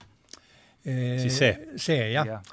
see on see, mida mm, Roger Penrose pakkus välja Aha. kusagil kaheksakümne, seitsmekümnendate alguses ja mida Penrose'i mosaiigiks -hmm. kutsutakse mm, -hmm. Penrose styling. Te näete, et ta on kokku pandud äh, kahte erinevat tüüpi rombidest, on sellised kitsad rombid ja on, on, on, on siis äh, prisked rombid. ja nad katavad tasandi, nii et noh, seda võiks jätkata lõpmatuseni tegelikult seda ja. struktuuri. Nad katavad tasand, nii et vahet ei ole ja kattumist ka ei ole. ja, ja, ja äh, sedakaudu siis noh, jooksevad sisse noh, muusikas ka on vist see aperioodiline mõiste olemas, eks ole. siin nad jooksevad siis kristallograafias sisse ja, ja osutus, et, et, sellised reaalsed kristallid või süsteemid. no mis on, mis on kristall, kristall on perioodiline kordus, eks ole, ammu teada, kõik üles loetud, palju neid on, aga osutus, et, et, et noh, loodus on keerukam või, või kõik need võimalused mm. ei ammendu ja, ja, ja ähm, taolised kvasikristallsed struktuurid mm. -hmm. aga millel on ka see omadus näiteks noh, siin mingit korda nii väga võib-olla ei näe. Ähm, kui te nüüd trükiksite välja, mul ei ole seda siin käepärast sedasi, ähm, kahe läbipaistva kile peale sellise struktuuri küllalt väikese sammuga, võib-olla see on liiga suur mm, -hmm. ja nihutaksite üksteise suhtes, siis te näete, et seal tekivad mingisugused sellised mustrid või kattumised yeah. või, või küllaltki suure sammu või amplituudiga ja mis tekivad sõltumata sellest, kui palju neid nihutate üksteise suhtes.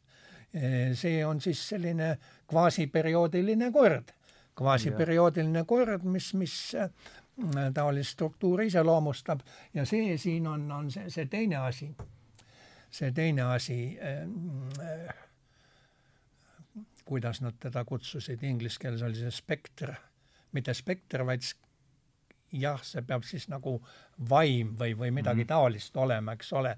et Penrose'i mosaik, näete, on see kokku pandud äh, kahte tüüpi ja, rombidest, rombidest ja pikka aega oli see küsimus või mhm. vaidlus, et, et kas nagu kas ühega ikka ei saaks või? jah, sellist. ühega ikka ei saa. ei saa vist no, jah. see üks on nüüd välja mõeldud. ahah seal tema on, tähendab selle aasta maikuus tuli siis see artikkel välja. kaks kuud enne seda tuli veel, veel üks artikkel, kus, kus neid olid eh, kus mm. oli kaks, kaks kujundit, aga üks oli teine või noh, kujund oli sama, aga üks oli selles mõttes pööratud või peegeldatud. ja see ikka mõningaid snoobe ei rahuldanud, eks ta, no ta peaks ainult nihete või, või pööretega peaksime ja, hakkama saada. no palun, jah nüüd ja on siis... selline ka. ah, et selline peab olema siis et sellega oleks võimalik ja nagu sellega hoida, sa paned üksteise kõrvale, katta terve, terve tasand, teda ainult nihutades ja pöörates ja, ja ja saame, saame siis ähm, ja jah. sellega tegeleti siis kui kaua nüüd mingi?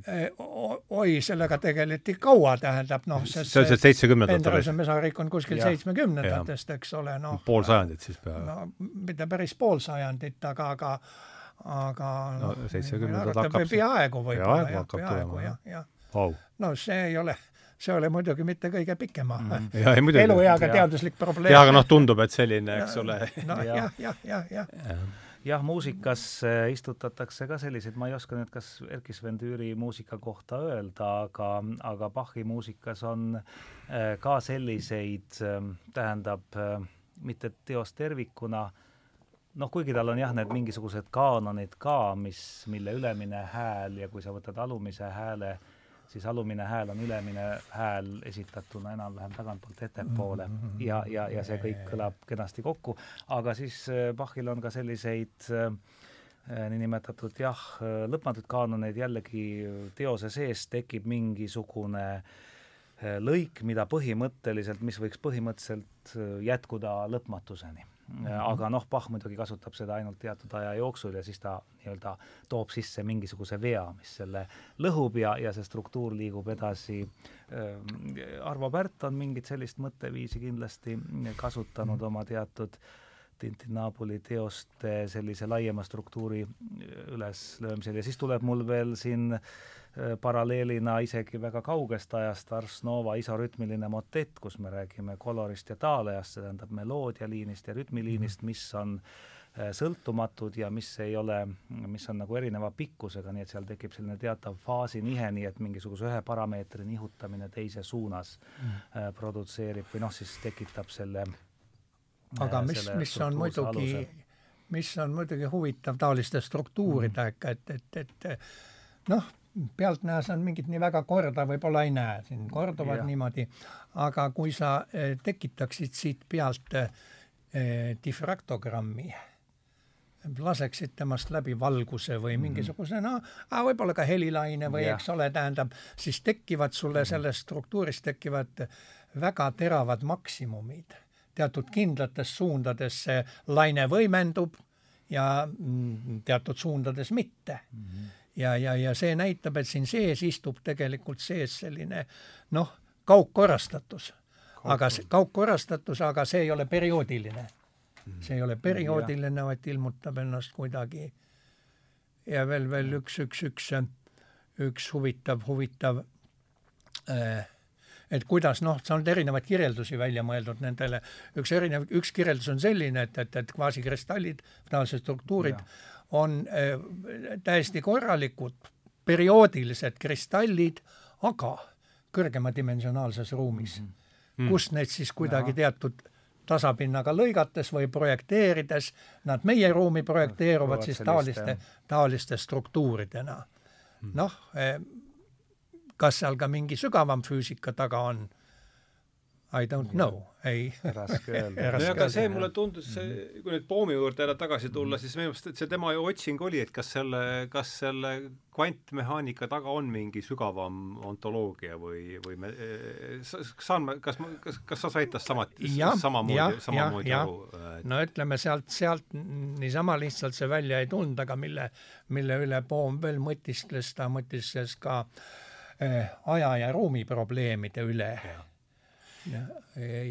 ja, ja, seal oli tema arvamus, kuidas ta nimetas, pregeomeetriaks või arvas, et on võib-olla mingisugused sügavamad sügavamad äh, struktuurid või, või kas see ongi see implikituuriga, mina, ma lugesin teda ja, ka nii, nii palju, kui ma jõudsin. seda võid nii nimetada, see on üks näide sellest, see on üks näide, mis on siis rakendatuna sellele mm, implicate toode jah, mis on siis rakendatuna mina tõlkis... ajale ja ruumile.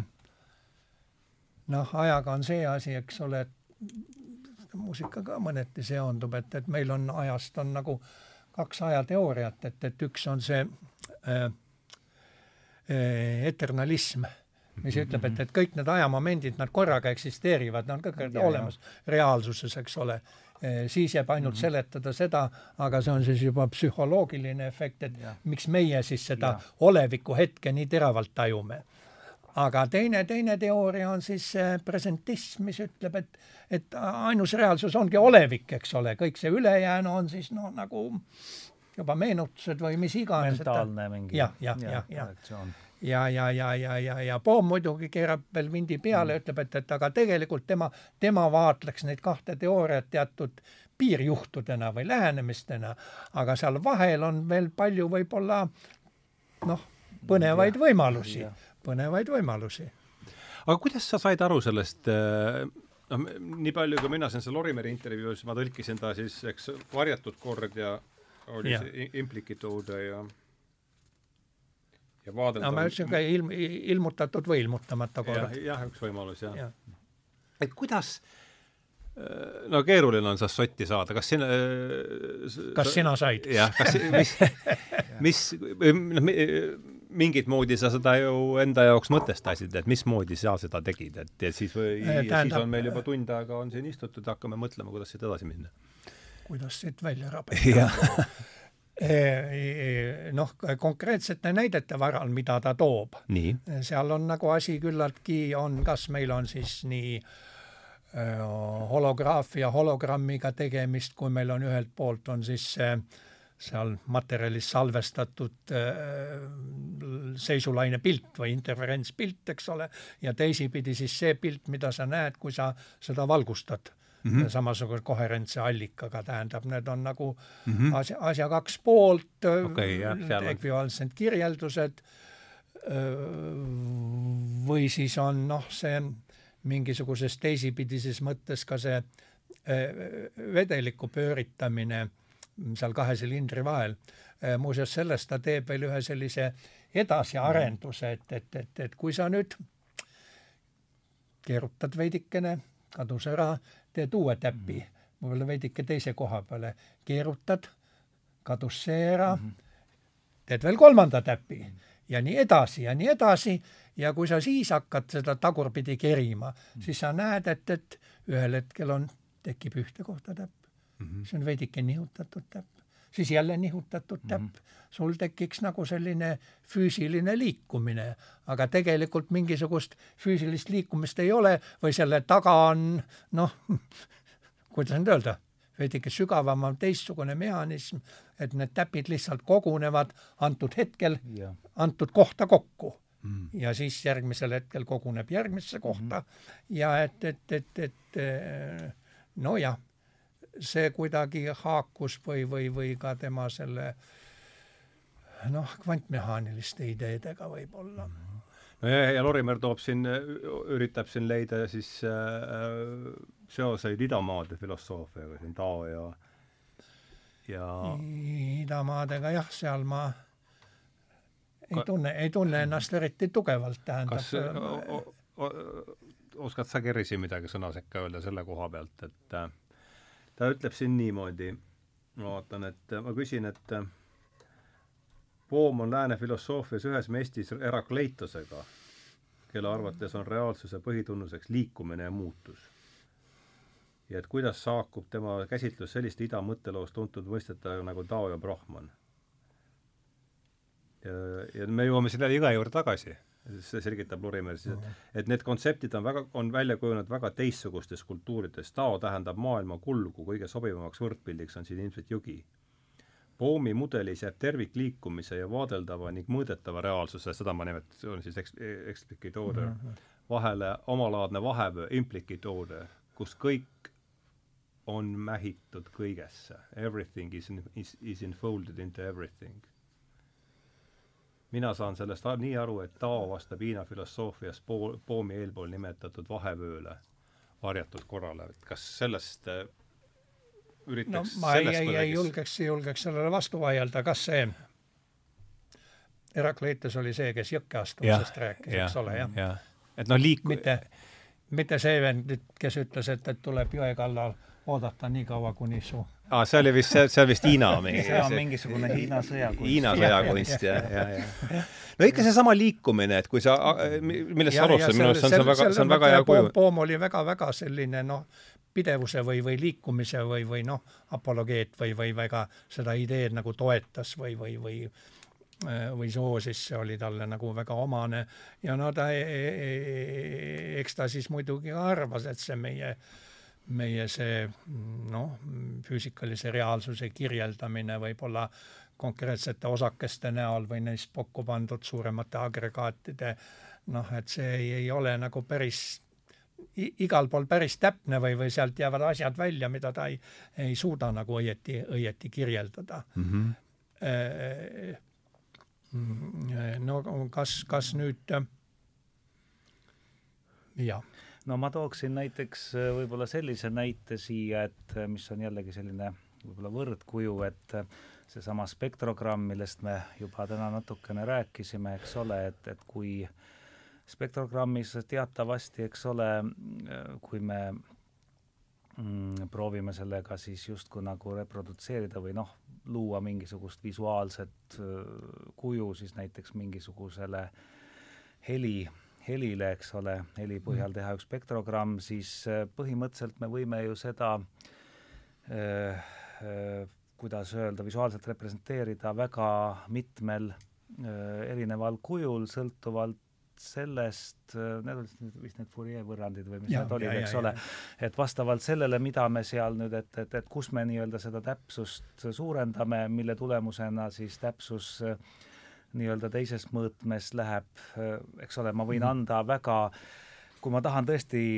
noh, nagu oli alguses juttu, et, et, et, et kui ma tahan anda seda spektrilt väga täpset ülevaadet, siis ma mingis mõttes pean selle horisontaalse mõõtme tegema väga ebatäpseks või sisuliselt venitama nagu lõpmatuse selleks, et näha, näha väga mm. täpselt spektrit ja kui ma tahan teada selle helisündmuse nagu täpset mingisugust ajalist mm, Äh, paiknemist, siis äh, tegelikult tema spektriline äh, struktuur jääb võrdlemisi segaseks, kui ma selle yeah, ajalise yeah., eks ole, ajan, ajan ülimalt täpselt. et ma, et ma igal juhul saan kas üht või teist ja tavaliselt, kui muusika teoreetikud kajut-, kasutavad spektrogramme mingisuguste asjade noh, pigem nagu lihtsalt illustreerimiseks, siis, siis sageli on üks põhiküsimus, et, et, et kuidas ma nüüd nii-öelda need parameetrid seal, kuidas ma need sean nii, et see, millest ma, mida ma tahaks esile tuua, tuleks nüüd seal spektrogrammis võimalikult hästi, hästi välja. ja, ja siia kõrvale minu meelest saab tuua sellesama, no ja see minu meelest selle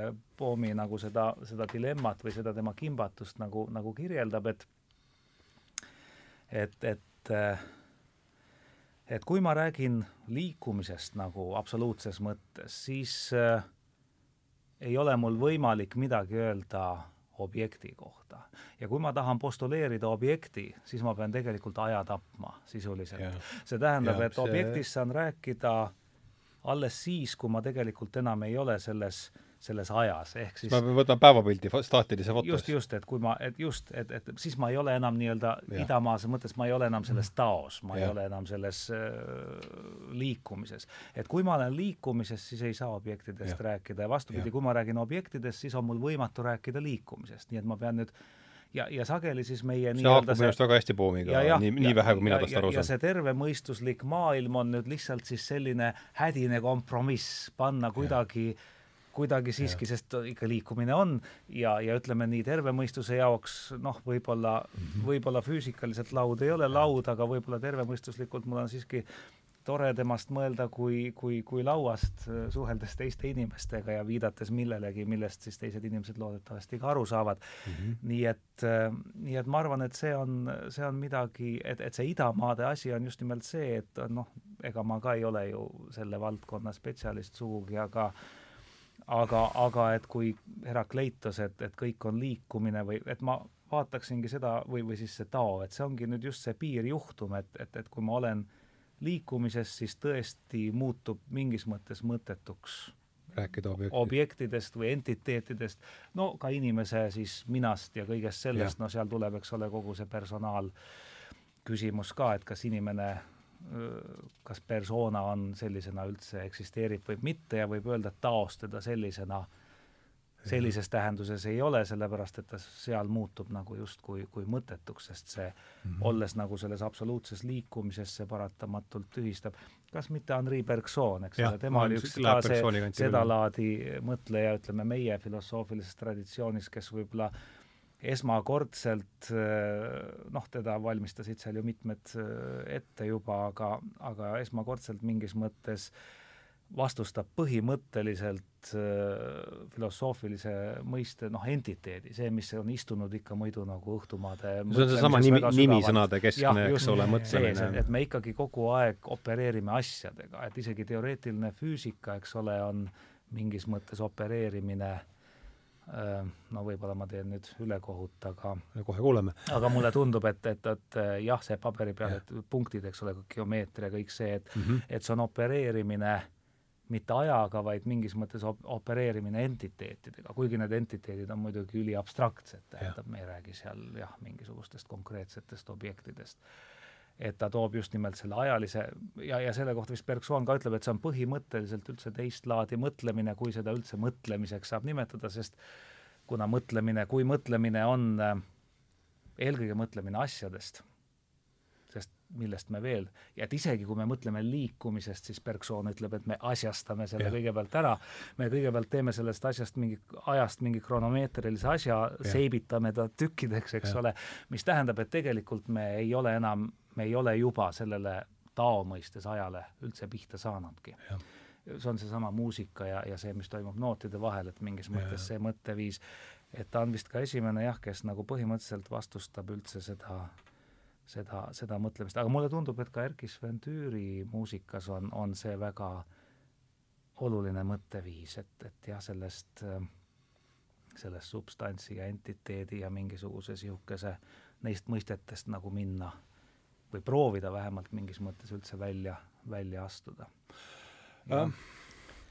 ma lugesin ähm, ise siin täna valmistudes selleks ähm,, Essential David Bohm oli kirjutanud eessõna keegi Lee Nichols maininud ta kohta midagi, aga aga ma, ma kõrvitasin sealt välja ühe lõigu ja mõtlesin, et oleks, kasutaks seda võimalust, see on küll inglise keeles, ma üritan teda siin kõik käigu pealt tõlkida, et Äh, et mis, mismoodi selle te,, teie saate näiteks sellest, sellest lausest, ma loen ta kõigepealt inglise keeles ja siis vaatame, kuidas ma tahan eesti keelde üldse panna, et wholeness, terviklikkus on ju siin üks põhiasi, millest me oleme rääkinud. Wholeness is thus understood to be more than a theoretical construct. It is a meaning field, a living totality that includes us. et Äh, tervik on siis, ei ole mitte üksnes mingi teoreetiline konstruktsioon, see on tähendusväli. A living totality, mis see siis võiks olla uh.? no vot, see on nüüd mida, nii, nii, nii ja naapidi tähendab mida, kuidas mida? selles, üritaks sellele lausele kuidagi kol, kolmekesi siin küüsi tagasi saada, siin tuleb paar, paar lauset veel edasi, aga et hakkaks sealt pihta Wholeness as a meaning field, et äh, mis terviklikkus kui tähendusväli, et seal tuleb juba see kuidagi tõlgendus ja teadvus no, ja kõik sisse või kes no, tahab alustada? võib, võib alustada ühe sellise tõdemusega, et äh, mida on mõnikord öeldud, et kui rääkida nüüd jälle objektidest mm, -hmm. et eelkõige mis tahes asi on tegelikult selle kontekst mm. -hmm, yeah. meil ei ole nagu essentsialistlikult, et asjal ei ole olemust, aga see, mis teeb asja, on seda ümbritsev kontekst. et võib-olla seda lausest võib nagu niimoodi yeah. aru, aru saada. see haakub sellega, mis ma sealt jaa, et noh, me võime lugesin, võtta selle, eks ole, meie keele, mis on ju selles mõttes ka dualistlik, eks ole, et noh, kas või sõna öö, et ei ole midagi essentsialistlikku öös, öö on mitte lihtsalt see sõna öö, vaid ta on ka mitte päev. ta on tegelikult, tema sõnal öö ei oleks tähendust, kui meil ei oleks ka päeva. et kujutame ette, et kui meil oleks igavene öö, siis mm, ma olen üsna kindel, et meil sõna öö puuduks, sest see mm, -hmm. mis on igavesti ja kogu aeg kohal, selle jaoks, seda me ei märka, selle jaoks ei ole tähistajat ilmselt keeles, võib-olla me ei oskaks midagi sellist uuridagi või ja nii edasi, eks ole. nii et äh, iga asi, mis on noh, meie mõttes asi, on, on midagi, mis äh, mingil põhjusel eristub äh, millestki muust, nii et selle tõttu, kui ta eristub, siis, siis seal on jah, kõigepealt ütleme võib-olla see afirmatiivne või see jaatav osa, mis ütleb, et ma olen öö, aga siis on kindlasti ka see, et ma ei ole päev ja, ja, ja mis kõik veel. ja, ja seetõttu miski, mis näib olevat justkui nagu partikulaarne või selline üksikasi, üldse saabki omandada tähenduse, et kui ei ole totaalset, kui ei ole seda terviku totaalsust kõrval, siis ilmselt Lõpud. ei oleks ka üksik Pole objektil, jah, tal polekski mingisugust mm -hmm. olemust või tähendust või sisu meie mm -hmm. jaoks, et see võib-olla on üks võimalik tõlgendus sellele lausele. Poom on kusagil öelnud ka umbes niimoodi, et, et kui me ütleme, et miski on miski siis me juba tegelikult eksime, sellepärast et, et miski on samal ajal ka midagi hoopis muud. Noh, see on see kogu see kontekst seal kontekst jah, jah, jah, jah mm. -hmm. see, aga noh, tähendab, see on nüüd see, et, et, et, et äh, analüüs ja süntees. kaks mm -hmm. teaduslikku meetodit, eks ole, tähendab mm -hmm. noh, mis, kui nad käsikäes ja sedasi käivad, eks ole, noh, või võib-olla ongi siis, siis hea ja õige, tähendab, kui me, kui me selle sünteesi ikka ka ära teeme või, või tähendab, kui me ei piirdu ainult sellise lahterdamise või analüüsiga või jagamisega erinevatesse kastidesse ja ütleme, et see ongi, see ongi nüüd hea, kui me oleme kõik need oma kastid oma osakestega täitnud. ja et siis jõuame lõpuks selle pisik, selle kõige väiksema osakeseni, millesse siis no vot, ma ei tea, kas me selleni jõuame või ei jõua, eks ole, see on see on oma, omaette teema. aga äh, sest teisipidi noh äh,, millestki nagu tuleks alustada või, või mingitest mm -hmm. jah, kuskilt tuleb kasutada alustada. mingeid sõnu, millele mingi tähendus ja. anda või, või neid kuidagi äh, noh, jah mm. -hmm. analüüs ja süntees on see. jah äh, Poom üritab, Poom üritab pigem sünteesida, ma saan aru. seda on sünteesi vaim, eks. et, et võib-olla on liigselt on kaldutud analüüsi poole ja, ja tema nägemises ei ole need asjad äh, tasakaalus mm. -hmm. ja, ja pigem, pigem sünteesi poole, eks ja, ole. no siin võib ka minna veel sammukese kaugemale ja öelda, et noh, et, et jällegi niimoodi terve mõistuse seisukohalt me ju saame aru, mis on analüüs, eks ole, tükkideks võtmine ja süntees, millegi kokkupanek, aga võimalik, et Poom võis ka mõelda sellele, et äh, igasugune analüüs on võimatu samal ajal, tähendab, võimatu ilma samal ajal toimuva sünteesita mm. -hmm. sest analüüs Aha. ei ole nagu selles mõttes, et ma lihtsalt ei tükelda, sest äh, olles tähendab, see analüüs tähendab ju seda, et ma ikkagi tükeldan mingist printsiibist lähtuvalt, aga luues printsiibi, olen ma mingis mõttes kohe loonud totaalsuse, ehk mm -hmm. ma olen tegelikult teinud kohe mingisuguse metatasase sünteesi, nii et nii et võib-olla me lihtsalt ka kasutame täiesti sõnu natuke isegi nagu tajumata, et, et et, et, et mis seal, mis seal nagu veel taga on, et, et et just nimelt igapäevases suhtluses on, on muidugi vajalik, et me eristaksime sõnu ja, ja, ja viitaksime ühele ja teisele, aga, aga jah, et, et, et see süntees ja, ja, ja analüüs äh, toimuvad vist paratamatult samal ajal ja ma ei kujuta tegelikult ka mingisugust väga edukat sünteesi ilma mhm. analüüsiva vaimuta ette ette, eh, sellepärast et selleks, et midagi sünteesida, pead sa vägagi analüütiliselt eh, aru saama eh, sellest nagu, nagu mida sa kokku paned, nii et nii et võib-olla ta mõtles just sellist totaalsust, et, et, et sellest totaalsusest ei ole pääsu mm. -hmm. selles mõttes, et, et sa ei saa igal juhul äh, sa kas tegeled kogu tervikuga või sa ei tegele üldse mitte millegagi mingis mõttes.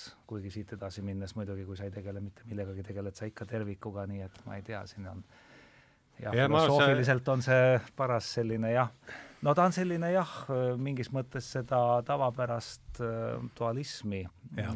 ületav äh, mõtteviis ja, ja eks sellest ongi natukene raske rääkida ja eks see jutt ruttu müstiliseks ja selliseks krüptiliseks kisub muidugi. jah paraku küll ja, ja Jaak, tahad sa lisada? ega võib-olla väga palju ei, ei, ei, ei taha, aga eh, Poom räägib ka sellisest asjast nagu mõte ja mõtlemine. just täpselt ja sinna ma tahtsin. see on, see on, see on, see on midagi tegelikult, mida ta noh, lausa kritiseerib mm -hmm. või ütleb, et, et, et, et inimeste ja inimkonna hädad sellest tulevadki, kui ma nüüd jämedalt ütlen, et, et siis me, mhm. sellest tulevad, et me mõtleme või õigemini sellest, et, et meie, me ei kontrolli, me ei kontrolli oma mõtlemist, me arvame, et meie mõtleme, aga tegelikult meie mõtted ja mõtlemine, nad valitsevad meid. tulevad ja, ka kontekstist. tulevad ja, ja, ja, ja, ja on, on, on siis selline äh, ta räägib või toob võrdluse, et, et propriotseptsioon, keeruline sõna, see meie see on siis see, see võime tajuda meie kehaasendid, kehaosade asendid, nimed ei, ei, ei vaata nende peale, no meil on lihtsalt äh, selline sisetunne või teadmine või mingisugune selline tunnetus, aga ütleb, et, et meil, meil mõtlemise suhtes ei ole sellist tunnetust või me ei, me ei taju tegelikult kuidagi noh, kuidas me mõtleme, kuidas seda siis nagu ette kujutada või, või ta ütleb, et, et, et selles mõttes meie selle äh, meie kehaliste asendite kontroll või teadmine on meil palju parem, kui me suudame oma, oma mõtlemist tegelikult kontrollida. ja sealtkaudu siis ta jõuab ka oma nende noh, asi, mida me ei ole siin täna veel, veel väga puudutanud, ma ei mäleta, kas me varem oleme puudutanud need äh, Poomi dialoogid. Krishnamurtiga? mitte ainult, tähendab Poom ju propa-, no, paljudega on Poom ju propageeris tähendab, tõi, ta, ta, ta lähtub sellest, tähendab nendest traditsioonilistes ühiskondades eksisteerinud ja.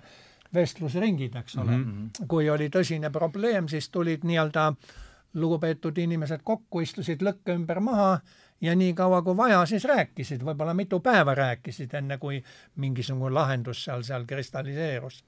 ja see on see, mida ka ta noh, propageerib, et, et peaks meil ka ühiskondades nagu, nagu, nagu tegema või, või, või need ja need, need on, need ei ole selles mõttes, nad ei ole ajurünnakud, kus sul on üks konkreetne fookusprobleem, mida sa tahad lahendada mm. -hmm. poomidialoog on selline, et, et kus tuleb mingisugune seltskond kokku, seltskond umbes, ta ütleb kakskümmend, nelikümmend inimest mm, -hmm. mitte liiga vähe, aga mitte liiga palju, eks ole mm. -hmm. ja, ja, ja kes siis äh, hakkavad arutama, mida iganes neile siis tundub, kes, kes mida räägib ja kes kaasa tuleb, kes vastu räägib. noh, tema nägi nagu, nagu sellist äh, võimalust meie, meie mitmesuguste, kõige mitmesugusemate ühiskondlike ja, ja probleemide lahendamiseks mm, -hmm. sellised vestlusringid äh, noh, tegelikult eksisteerivad ka, tähendab, kusagilt saab leida, aga neid on, neid ei ole palju. Ma kusagilt otsisin, kas, kas Ameerikas sain paar viidet, eks ole, sellised toimivad ähm, aga sisusse ma väga ei süüvinud, millega, millega nad seal just tegelevad.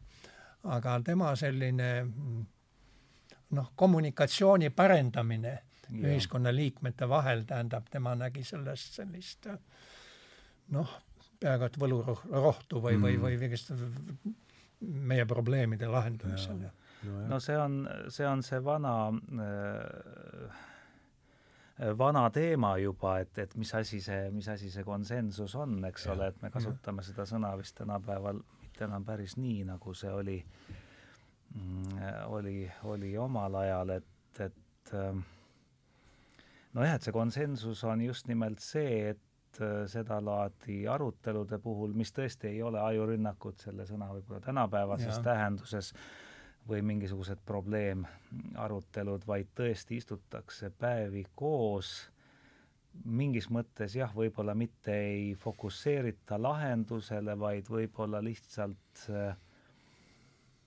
räägitakse, noh, kui seda tajutakse siis probleemina või küsimusena. mingi ühistunde tekitamine võib-olla. jah, et see arutatakse mitu korda läbi ja, ja seal on siis nagu mingisugune selline lootus või arusaam taga, et, et ühel hetkel Äh, peaks igalühel siis, kes sellest osa võtab, tekkima mingisugune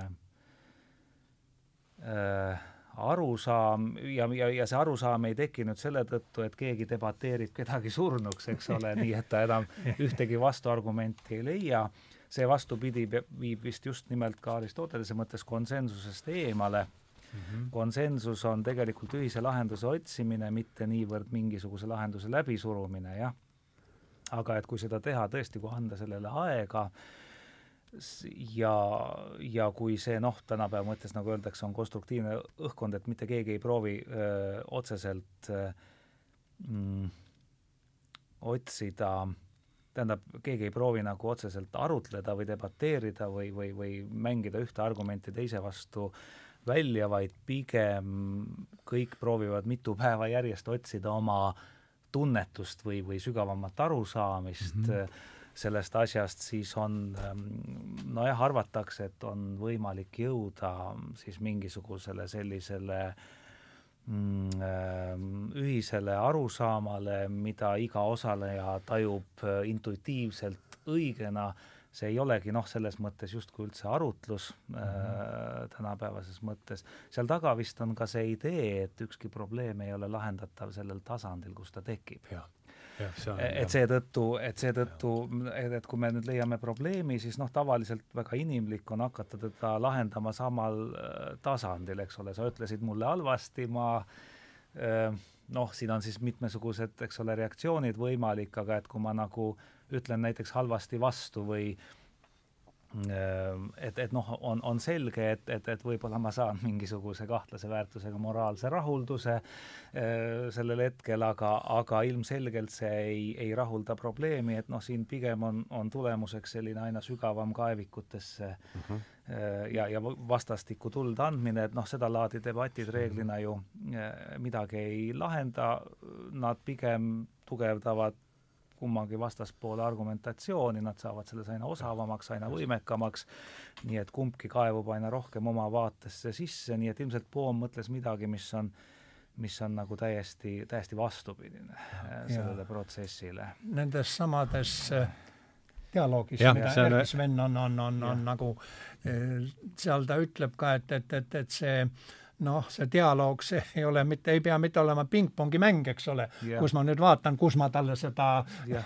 ägeda vastulöögi annan, millele tema võib-olla ei suuda enam vastata, vaid, vaid see on selline on, arvamuste voog või voolamine või, või no ma saan aru selle eeltoodu, selle, selle tsitaadi valguses, mis mina siin tõin mm, -hmm. et mhm. see peakski, see, see minu arust oleks, võiks seda võtta mingi selle ühise tähendusvälja loomisena, mida siis hõimukultuuris seal lõkke ümber saab teha, aga mida siin... meie tööstuslikus ühiskonnas siis ja. peaks ju kultuur ja ja, ja, ja kõik siin, peaks ju selle siis tekitama siin, siin kuidagi. minu meelest on ka veel selline arusaam ja see vist on ka nüüd natukene selliste võib-olla nende idamaadega eh, seotud, et et kui tegelikult hakata vaatama, kuidas me mõtleme et ega, ega rangelt võttes just nimelt nagu vist Poom ka ütleb, aga, aga noh, ta kindlasti ei ole mitte esimene ja viimane, kes seda väidab, et et ega meil mingis mõttes ei ole kontrolli oma mõtete üle, tähendab, ma tegelikult ei saa ennustada, mis mulle järgmisel hetkel võiks pähe tulla või mitte pähe tulla. tähendab, see on asi, mis noh, ma ei tea, kas ta töötab automaatpiloodil või, või kuidagi, et, et küsimus on, et, et kui ma nüüd ütlen, et ma mõtlen, siis mida ma teen, et, et ilmselt see hmm, arusaam sellest, et, et mõtlemine on justkui midagi sellist, mida ma täie teadlikkusega teen, vähemalt ilmselt teataval tasandil on illusioon mm. tähendab mm -hmm. jällegi rääkides praktiliselt jah, ma mõtlen, et ma võtan nüüd selle poekoti ja, ja lähen sellega koju, no jah, ma et ilmselt sellel tasandil me võime täiesti rääkida mõtlemisest ja, ja siin ei noh, ja kõik saavad aru, millest me räägime, aga, aga mingisugusel teataval tasandil ilmselt see, et me justkui mõtleme, et me ise justkui teeksime midagi, on mingis mõttes illusioon, et, et ennast jälgides ilmselt on, on pigem see kogemus selline, et, et, et mõtted tekivad, kaovad, mul tegelikult ei ole kontrolli, ma kindlasti olen neist teadlik, rohkem või vähem, ma vaatlen neid, aga aga ma tegelikult ei tea, kuidas nad tekivad, mis tähendab, et, et debatt, kui, kui ma nüüd eeldan, et tegelikult mõtlemist äh, nii, nagu me võib-olla tavamõistuse mõttes mõtlemisest aru saame, kui teda sellisena ei eksisteeri, siis tegelikult debateerimine tundub suhteliselt tühi tegevus olevat, sellepärast et siis üks pool teadvusetu röögib teise pool teadvuseta inimene, kes röögib talle vastu ja noh, sealt kindlasti midagi tekib ka, aga, aga kas see üldse on tegelikult aga, aga kui see tõesti on pigem iseenese vaatlemise ja kuulamise protsess ja nüüd, kui ma ei tee seda üksi, vaid teeme just nimelt kahekümnekesi, neljakümnekesi koos, teeme seda mitu päeva ja samas ütleme selles meie tähendus või ütleme selles äh, mõtte või, või ruumis või mis see siis iganes on, on siis üleval mingisugune teema, siis võib tõesti oletada, et äkki see tõesti on isegi palju ratsionaalsem viis jõuda kuhugi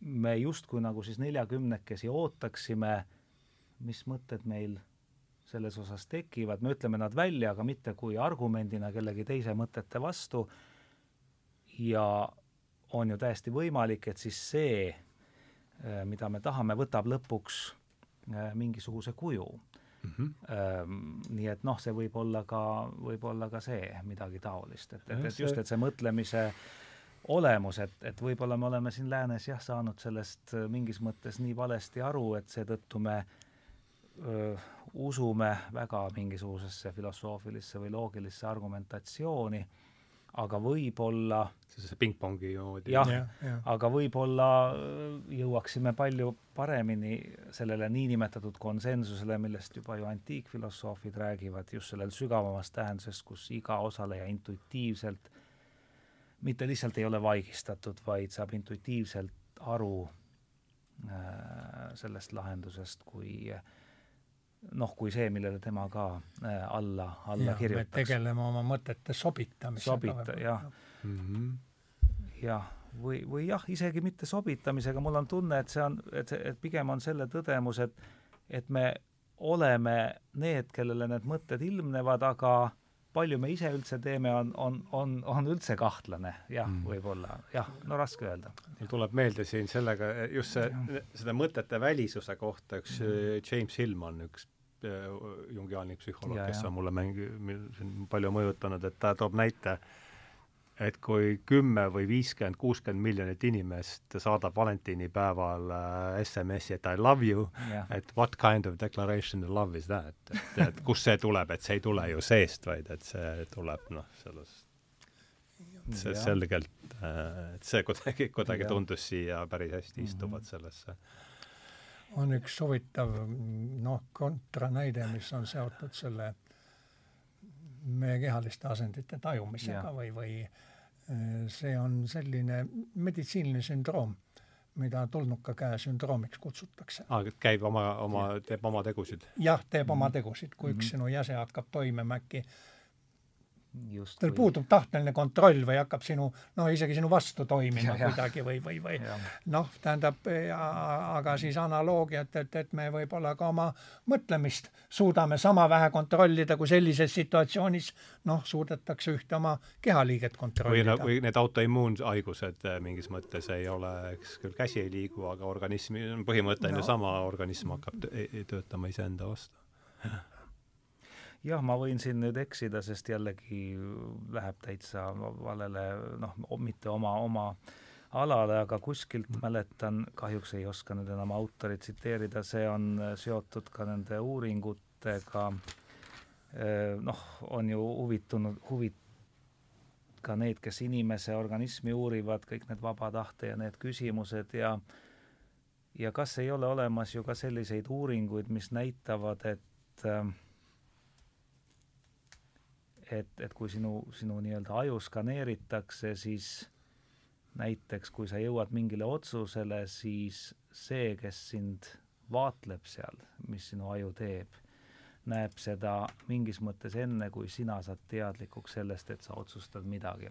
et ühesõnaga just seal jah, et, et, et just nimelt, et kui selles nii-öelda füüsikalises või nii-öelda bioloogilises reaalsuses et sa ise arvad küll, et sa nüüd otsustasid, aga, aga et kui, kui skaneerida aju, siis on näha, et see mingisugune ajukoht, mis, mis sellise otsusega võiks olla seotud, aktiveerub varem kui see, et sina saad ja sealt tekib, noh, sealt tekivad just need sügavad küsimused, et palju seda vaba võib, tahet võib-olla ainult murdosa sekundist, aga ja, definiitselt varem. aga definiitselt varem, just, just, ei jaa, loomulikult see ei ole nüüd nii, et see tekiks mitu minutit varem. et need, me räägime ikkagi ülilühikestest ja, ja. Ähm, ilmselt aja, ajavahemikest seal, aga noh, küsimus ongi pigem põhimõttes, et äh, see muna ja kana, et, et mis siis tekib või? Nii et jah, et noh, see on muidugi küsimus inimesest üldse, et kas me oleme eraldi arvuti või me oleme lihtsalt, nagu öeldakse, interface mingisuguse suurema arvuti no see on otsas. see, see on see suur ja, küsimus, äh, mis noh, nüüd on see välja, nüüd on see välja öeldud. et, et võib-olla lihtsalt jah, võib-olla lihtsalt see workstation nii-öelda, millel on küll teatavad juhtmed seal mingisuguse keskarvutiga, aga ja ja mis seetõttu näib äh, ise ka päris mm -hmm. adekvaatselt ja. toimivat, aga, aga jah, kes seda teab. Jaak, sa tahtsid midagi lisada, vahele pista? ei, kusagilt, kusagilt, kusagilt midagi.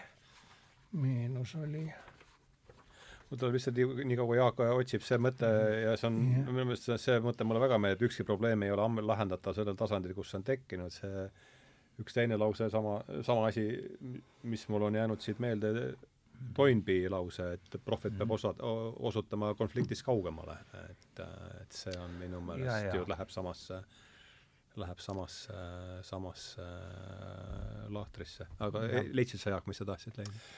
ei, kui kusagil tuli vastu, et, et, et kaks prominentset neuroteadlane Christoph Koch ja, ja filosoof. David Chalmers Aha, just, vedasid kihla kasti veini peale, et, et, et, et et kahekümne viie aasta jooksul, see kihlvedu oli, oli äh, kas see oli Koch või Chalmers või? üheksakümmend kaheksa, jah. Koch ja Chalmers. et, et, et, et, et, et, et tehakse kindlaks, ma kardan eksida, aga et et, et, et kus meie mälu tegelikult istub või mis on mälu needsamused ja, ja, ja et saadakse selle, selle noh, selle asukoha või mehhanismi kohta tõsikindlad teaduslikud tõestused. no see ma ei mäleta nüüd, et kumb, kumb, kumb seda väitis, võib-olla siis äh, võib-olla siis Koch kui neuroteadlasena oli optimistlikum ja lootis, et saadakse. kipuks arvama küll nii, jah. ta kaotas oma kasti veini yeah., kuna selle tõsiteaduslikkusest jäi puudu just või, või teaduslikust yeah. kindlusest, et, et, et, et see niimoodi on. nii et mm, kuidas, kuidas kuidas Krõlov ütles, et ta was in õnje tamm. koorem praegugi on kohapeal. jah jah, aga minu arust Koch on oma seisukohti vist nii vähe, kui mina temast tean, ta on ka äh, päris olulisel määral ümber hinnanud siin viim-, siit, siit, siit. ma ei ole nii jälginud seda. ma noh, aga, aga noh, nii palju, nii palju, kui ma siin neid asju olen nuusutanud, on see mm. kusagile jäänud äh, meelde, et äh, meil on veerand tundi jäänud siin otsade kokkutõmbamiseks. küpsis on juba Laura. kuidas, kuidas aeg lendab. eks ole. jah, kuidas ja. aeg lendab kui teda nüüd ikka on ja, olemas. kui teda ikka on.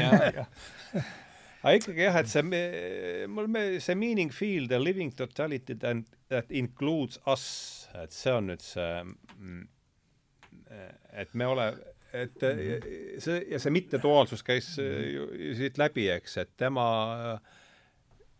et nii palju, kui mina aru saan, on, et on Koh, Koh nüüd, Poom selgelt selle vastu, et selle pildi vastu, et siin on siis äh, objektiivne reaalsus ja siin on see kartesiaanlik puhas vaim, mis siis äh, jälgib seda objektiivset reaalsust ja jõuab, äh, jõuab siis noh, nojah, siis tööpäeva lõpuks ikka pika, pika tööpäeva lõpuks reaalse, reaalse sellele kaardini. sellise tõepärase mingi kaardini. representatsiooni ja. või kaardini, jah, jah ja.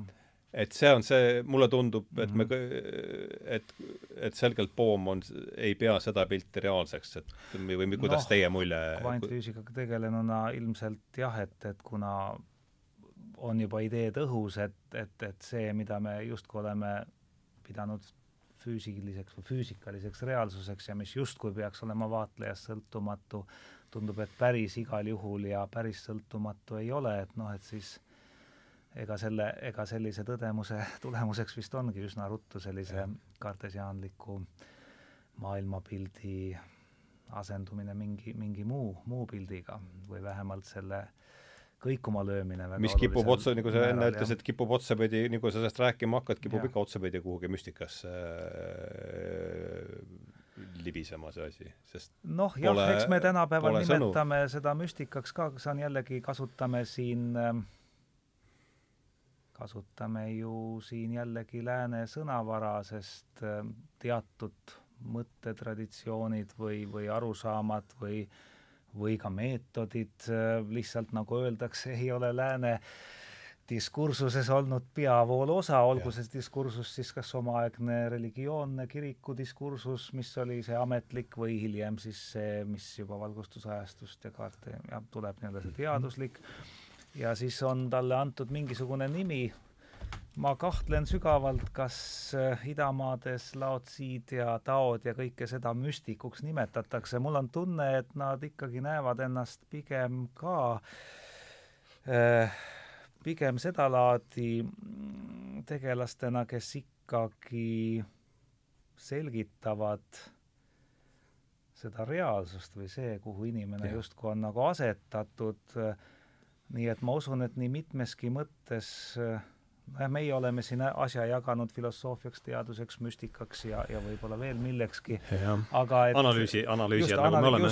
ja, ja kuna, kuna see, kuidas Laotsi ja, ja ja, ja, ja kogu see taoism ja, ja noh, võib-olla ka seal budistlikud ja, ja noh, rääkimata seal hinduistlikest väga, väga kirevatest ja erinevatest traditsioonidest, kuidas nad asjadest räägivad, see lihtsalt võib-olla see kõnepruuk tundub meile selline, nagu, nagu võib-olla mingid keskaegsed müstikud siin öö, no, oma asjadest rääkisid või filosoofid ja seetõttu me tahaksime ta liigitada see on nüüd jälle see analüüsi või see kastitamise süsteem, tahaksime nad panna sinna alla, aga mm -hmm. aga, aga võib-olla need on ka lihtsalt ju katsed ja eks need kõik ole mhm. mingis mõttes ju katsed seda äh, reaalsust kuidagi taltsutada või, või, või, või, või vähemalt mõista äh, mingisuguste äh, selgituste, aga võib-olla mitte selgituste, vaid ka mingisuguste praktikate abil, et Just tänapäeval äh, on ju tegelikult äh, ka meie teadusesse jõudnud üks selline väga imelik putukas, äh, mida kutsutakse loovuurimuseks ja millest tõsised teadlased võib-olla ei taha veel eriti midagi kuulda, aga mis noh, meie nii-öelda Eesti Muusikaakadeemias ja Kunstiakadeemias paratamatult meie, meie profiilist lähtuvalt on, on päris juba äh, päevakohased ja see on just nimelt teatud asjade uurimine äh, läbi tegevuse ja kogemuse. idee iseenesest pole uus, sest eks antropoloogid on seda osalusvaatlust läinud suguharusse elama ja eks nad seda on teinud ennegi, aga jah, võib-olla loodusteaduslike meetodite kõrval äh, need on just nimelt meetodid, mis ei eelda äh, no nad eeldavad muidugi mingis mõttes ühel hetkel mingit distantseerumist ja reflekteerimist asja üle, sest sest kuidagi pead seda kirja panema, sa ei saa mm -hmm. nagu võib-olla lihtsalt äh, jah, niimoodi mõistatuslikult ja müstiliselt vaikida. aga, aga, aga jah, mis meetoditena hõlmavad kindlasti juba, juba tegevusi, mis, mis sellise tavateaduse seisukohast noh, ilmselt tunduvad üsna problemaatilised just seetõttu, et seal on jah, see, see korratavuse ja objektiivsuse ja paljud mm -hmm. sellised kriteeriumid. aga noh, jah, aga ma usun, et me selles mõttes oleme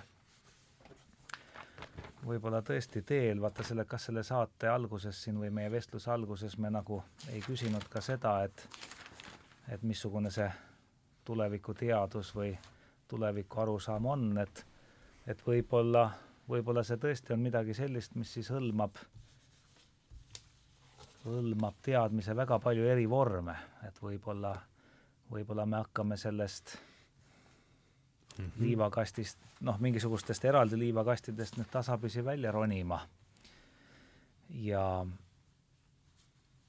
ja, ja, ja, ja, ja katsetama ja, ja aktsepteerima võib-olla, et teadmiste vormid võivad olla, mhm. võivad -hmm. olla väga erinevad ja võib-olla kunagi me jõuame ka mingisuguste teooriateni või millenegi, mis, mis neid erinevaid teadmise vormi suudavad integreerida kuidagi millekski hõlmatavaks tervikuks, kes teab ähm,.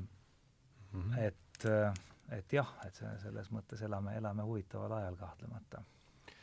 jah, tsiteerides jälle sedasama Erkki Sveni poolt viisi, viisistatud äh, Poomi dialoogi esimene küsimus ongi, et, et, et, et ähm, püüan käigult tõlkida, mida te sooviksite teaduse tulevikule või tulevikuks, eks ole mm. -hmm. ma sooviksin ja. näha rohkem fokusseerimist äh, kvaliteedile kui täpseid kvantitatiivseid matemaatilisi kontsepte mm. -hmm. ma näen rohkem liikumist osaluse poole ja Äh, kui sellise fundamentaalse aspektina pigem kui äh, atomistlikku analüütilist lähenemist mm. -hmm. jah, jah. ja see ja. ometigi meil on siin nüüd äh, jäänud seitse minutit ja ma olen jõudnud ja, ja ma rääkisin, kuidas see lugu algas pihta mm -hmm. selles kolmekümne esimeses lehes ilmunud David Lorimeri intervjuust, ma olen seda kohta väga mitmetes saadetes äh, siin tsiteerinud, ma tulen sellega uuesti tagasi ja palun teil viimast mm -hmm. kommentaari siin, et äh, me jõudsime siin selles jutuajamises ühe tema tuttava inglise kirjaniku ja filosoofi John Moriartyni, kes arvas, et järgmine suur teadusrevolutsioon saab olema just nimelt epistemoloogiline, mis tähendab mm -hmm. see, millest me just äsja rääkisime. ja selle käigus jõutakse põhimõtteliselt uute teadmiste hankimise viisideni. see on siis minu küsimus, et te olete temaga tõenäoliselt ühel meelel ja nüüd on siis vastus. et olen küll, meie praegune epistemoloogia on võrdlemisi piiratud, põhiprobleemi on kõige lihtsam selgitada vast püha Bonaventura kolme silmakujundi abil Bonaventura sõnul on meil meeltesilm, analüütiline silm ja kontemplatiivne silm. viimast nimetatakse lääne traditsioonis ka gnoosiseks, see mängib võtmerolli surmalähedastes ja mitmesugustes müstilistes kogemustes ja siis ma küsin edasi, et gnoosise puhul on seega määrav vahetu kogemus. Just nimelt SMN-i, see on siis Scientific and Medical mm. Network, mille direktor ta on, SMN-i üheks tähtsamaks ülesandeks ongi gnoosise ja kontemplatiivse epistemoloogia tagasitoomine lääne traditsiooni. antiik-Kreeka mõtlejad ei pidanud filosoofiat kunagi pelgaks mõttemänguks, nende jaoks oli tegemist eelkõige elulaadiga. praegune ülikooli filosoofia keskendub peamiselt kitsastele keel, keeleprobleemidele. Vana-Kreeka mõttetarkade puhul võib siin võib siin analoogia leida sofistide hulgast, kes tegelesid ka peamiselt filosoofia, filosoofia tehniliste pisiküsimustega. nii et kui me räägime epistemoloogilisest revolutsioonist, siis räägime minu arvates ennekõike gnoosise õigus, õiguste taaskehtestamisest. et mis teie sellest kolme silma, kuidagi see mulle tundus, et sinna, sinna ta, see jutuajamine meil nüüd lõpuks jällegi ähm, veeres, et, et võtaks siit viimased ma tegelikult äh, julgeks öelda, et see, see, see gnoosis on, on, on tegelikult äh, minu meelest ka tänapäeva teaduses äh, täiesti olemas mm, -hmm. ainult et ta on justkui nagu selline ebamugav asi peidetud kuhugi ära mm. -hmm. see tähendab, et me ei räägi temast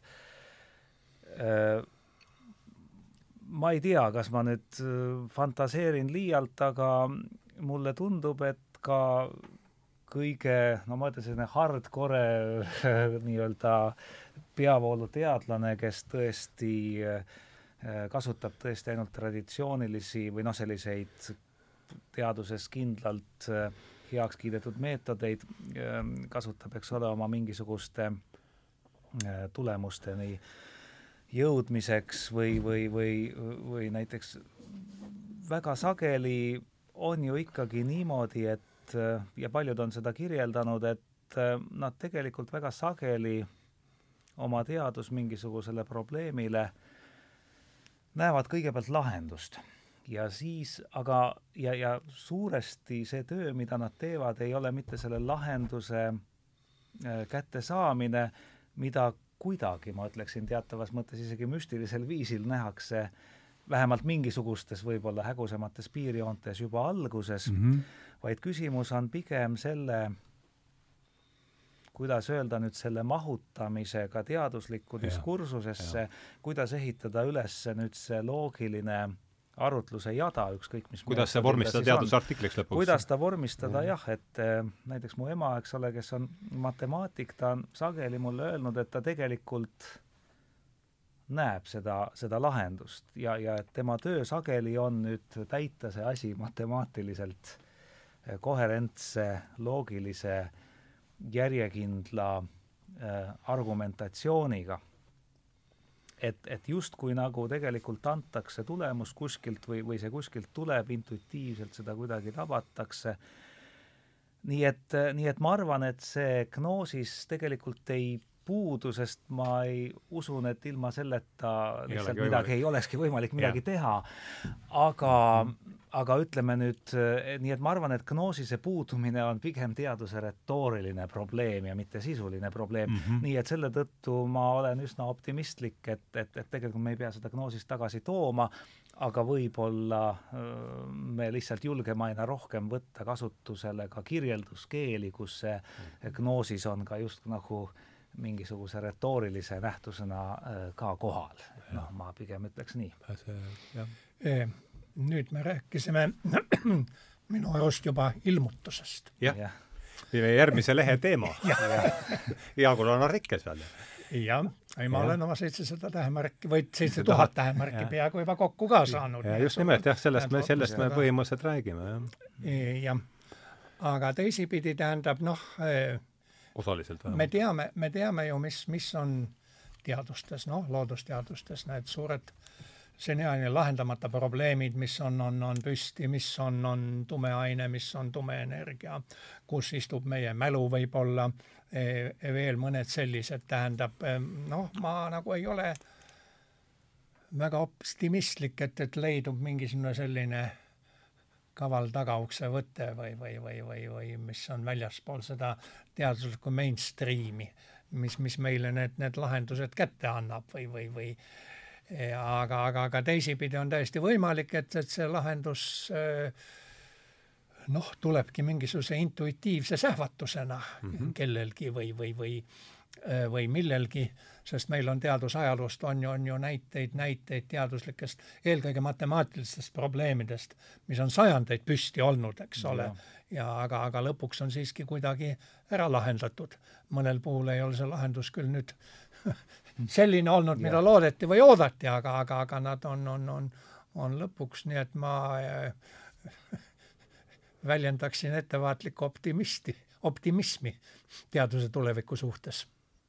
Jah, ja ega optimismist ei ole praegusel äh, ajal ju ega ega teda liialt praegu õhus ei ole, nii et see on ja asi hea, hea koht, kus äh, tõmmata siis ja kell ongi saanud täpselt viis, et see on hea koht, kus tõmmata äh, juubelisaatele joon alla, et aitäh, Jaak Ikas, aitäh, Geri Kotta, et tulite ja lükkasite uue hooaja käima ja, ja, ja, ja olite siis tähenduse teejuhtide kahesajandas saates.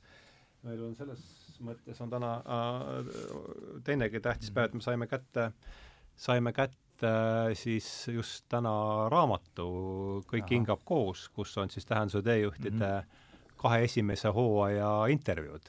Ja mul on siis hea meel teile kinkida need raamatud, ma kohe kirjutan ka siia, kirjutan ka siia sisse väikse pühenduse, aga igatahes on need raamatud ja. teile ja siin on ka siis veel mm -hmm. viimane, viimane, viimane number meie poolt, nii et suur-suur aitäh teile, et te tulite ja, ja me jõudsime siin nagu ta ikka läheb, et asi võtab, võtab aega ja siis ta lõpuks me jõudsime, jõudsime huvitavasse, no nagu siin see, eks need epistemoloogilised probleemid on siin järjest, järjest, järjest suuremat tähelepanu on, kuidagi see tähele, fookus sinna keskendub, et et veel kord aitäh teile ja ja soovin teile ilusat suve lõppu!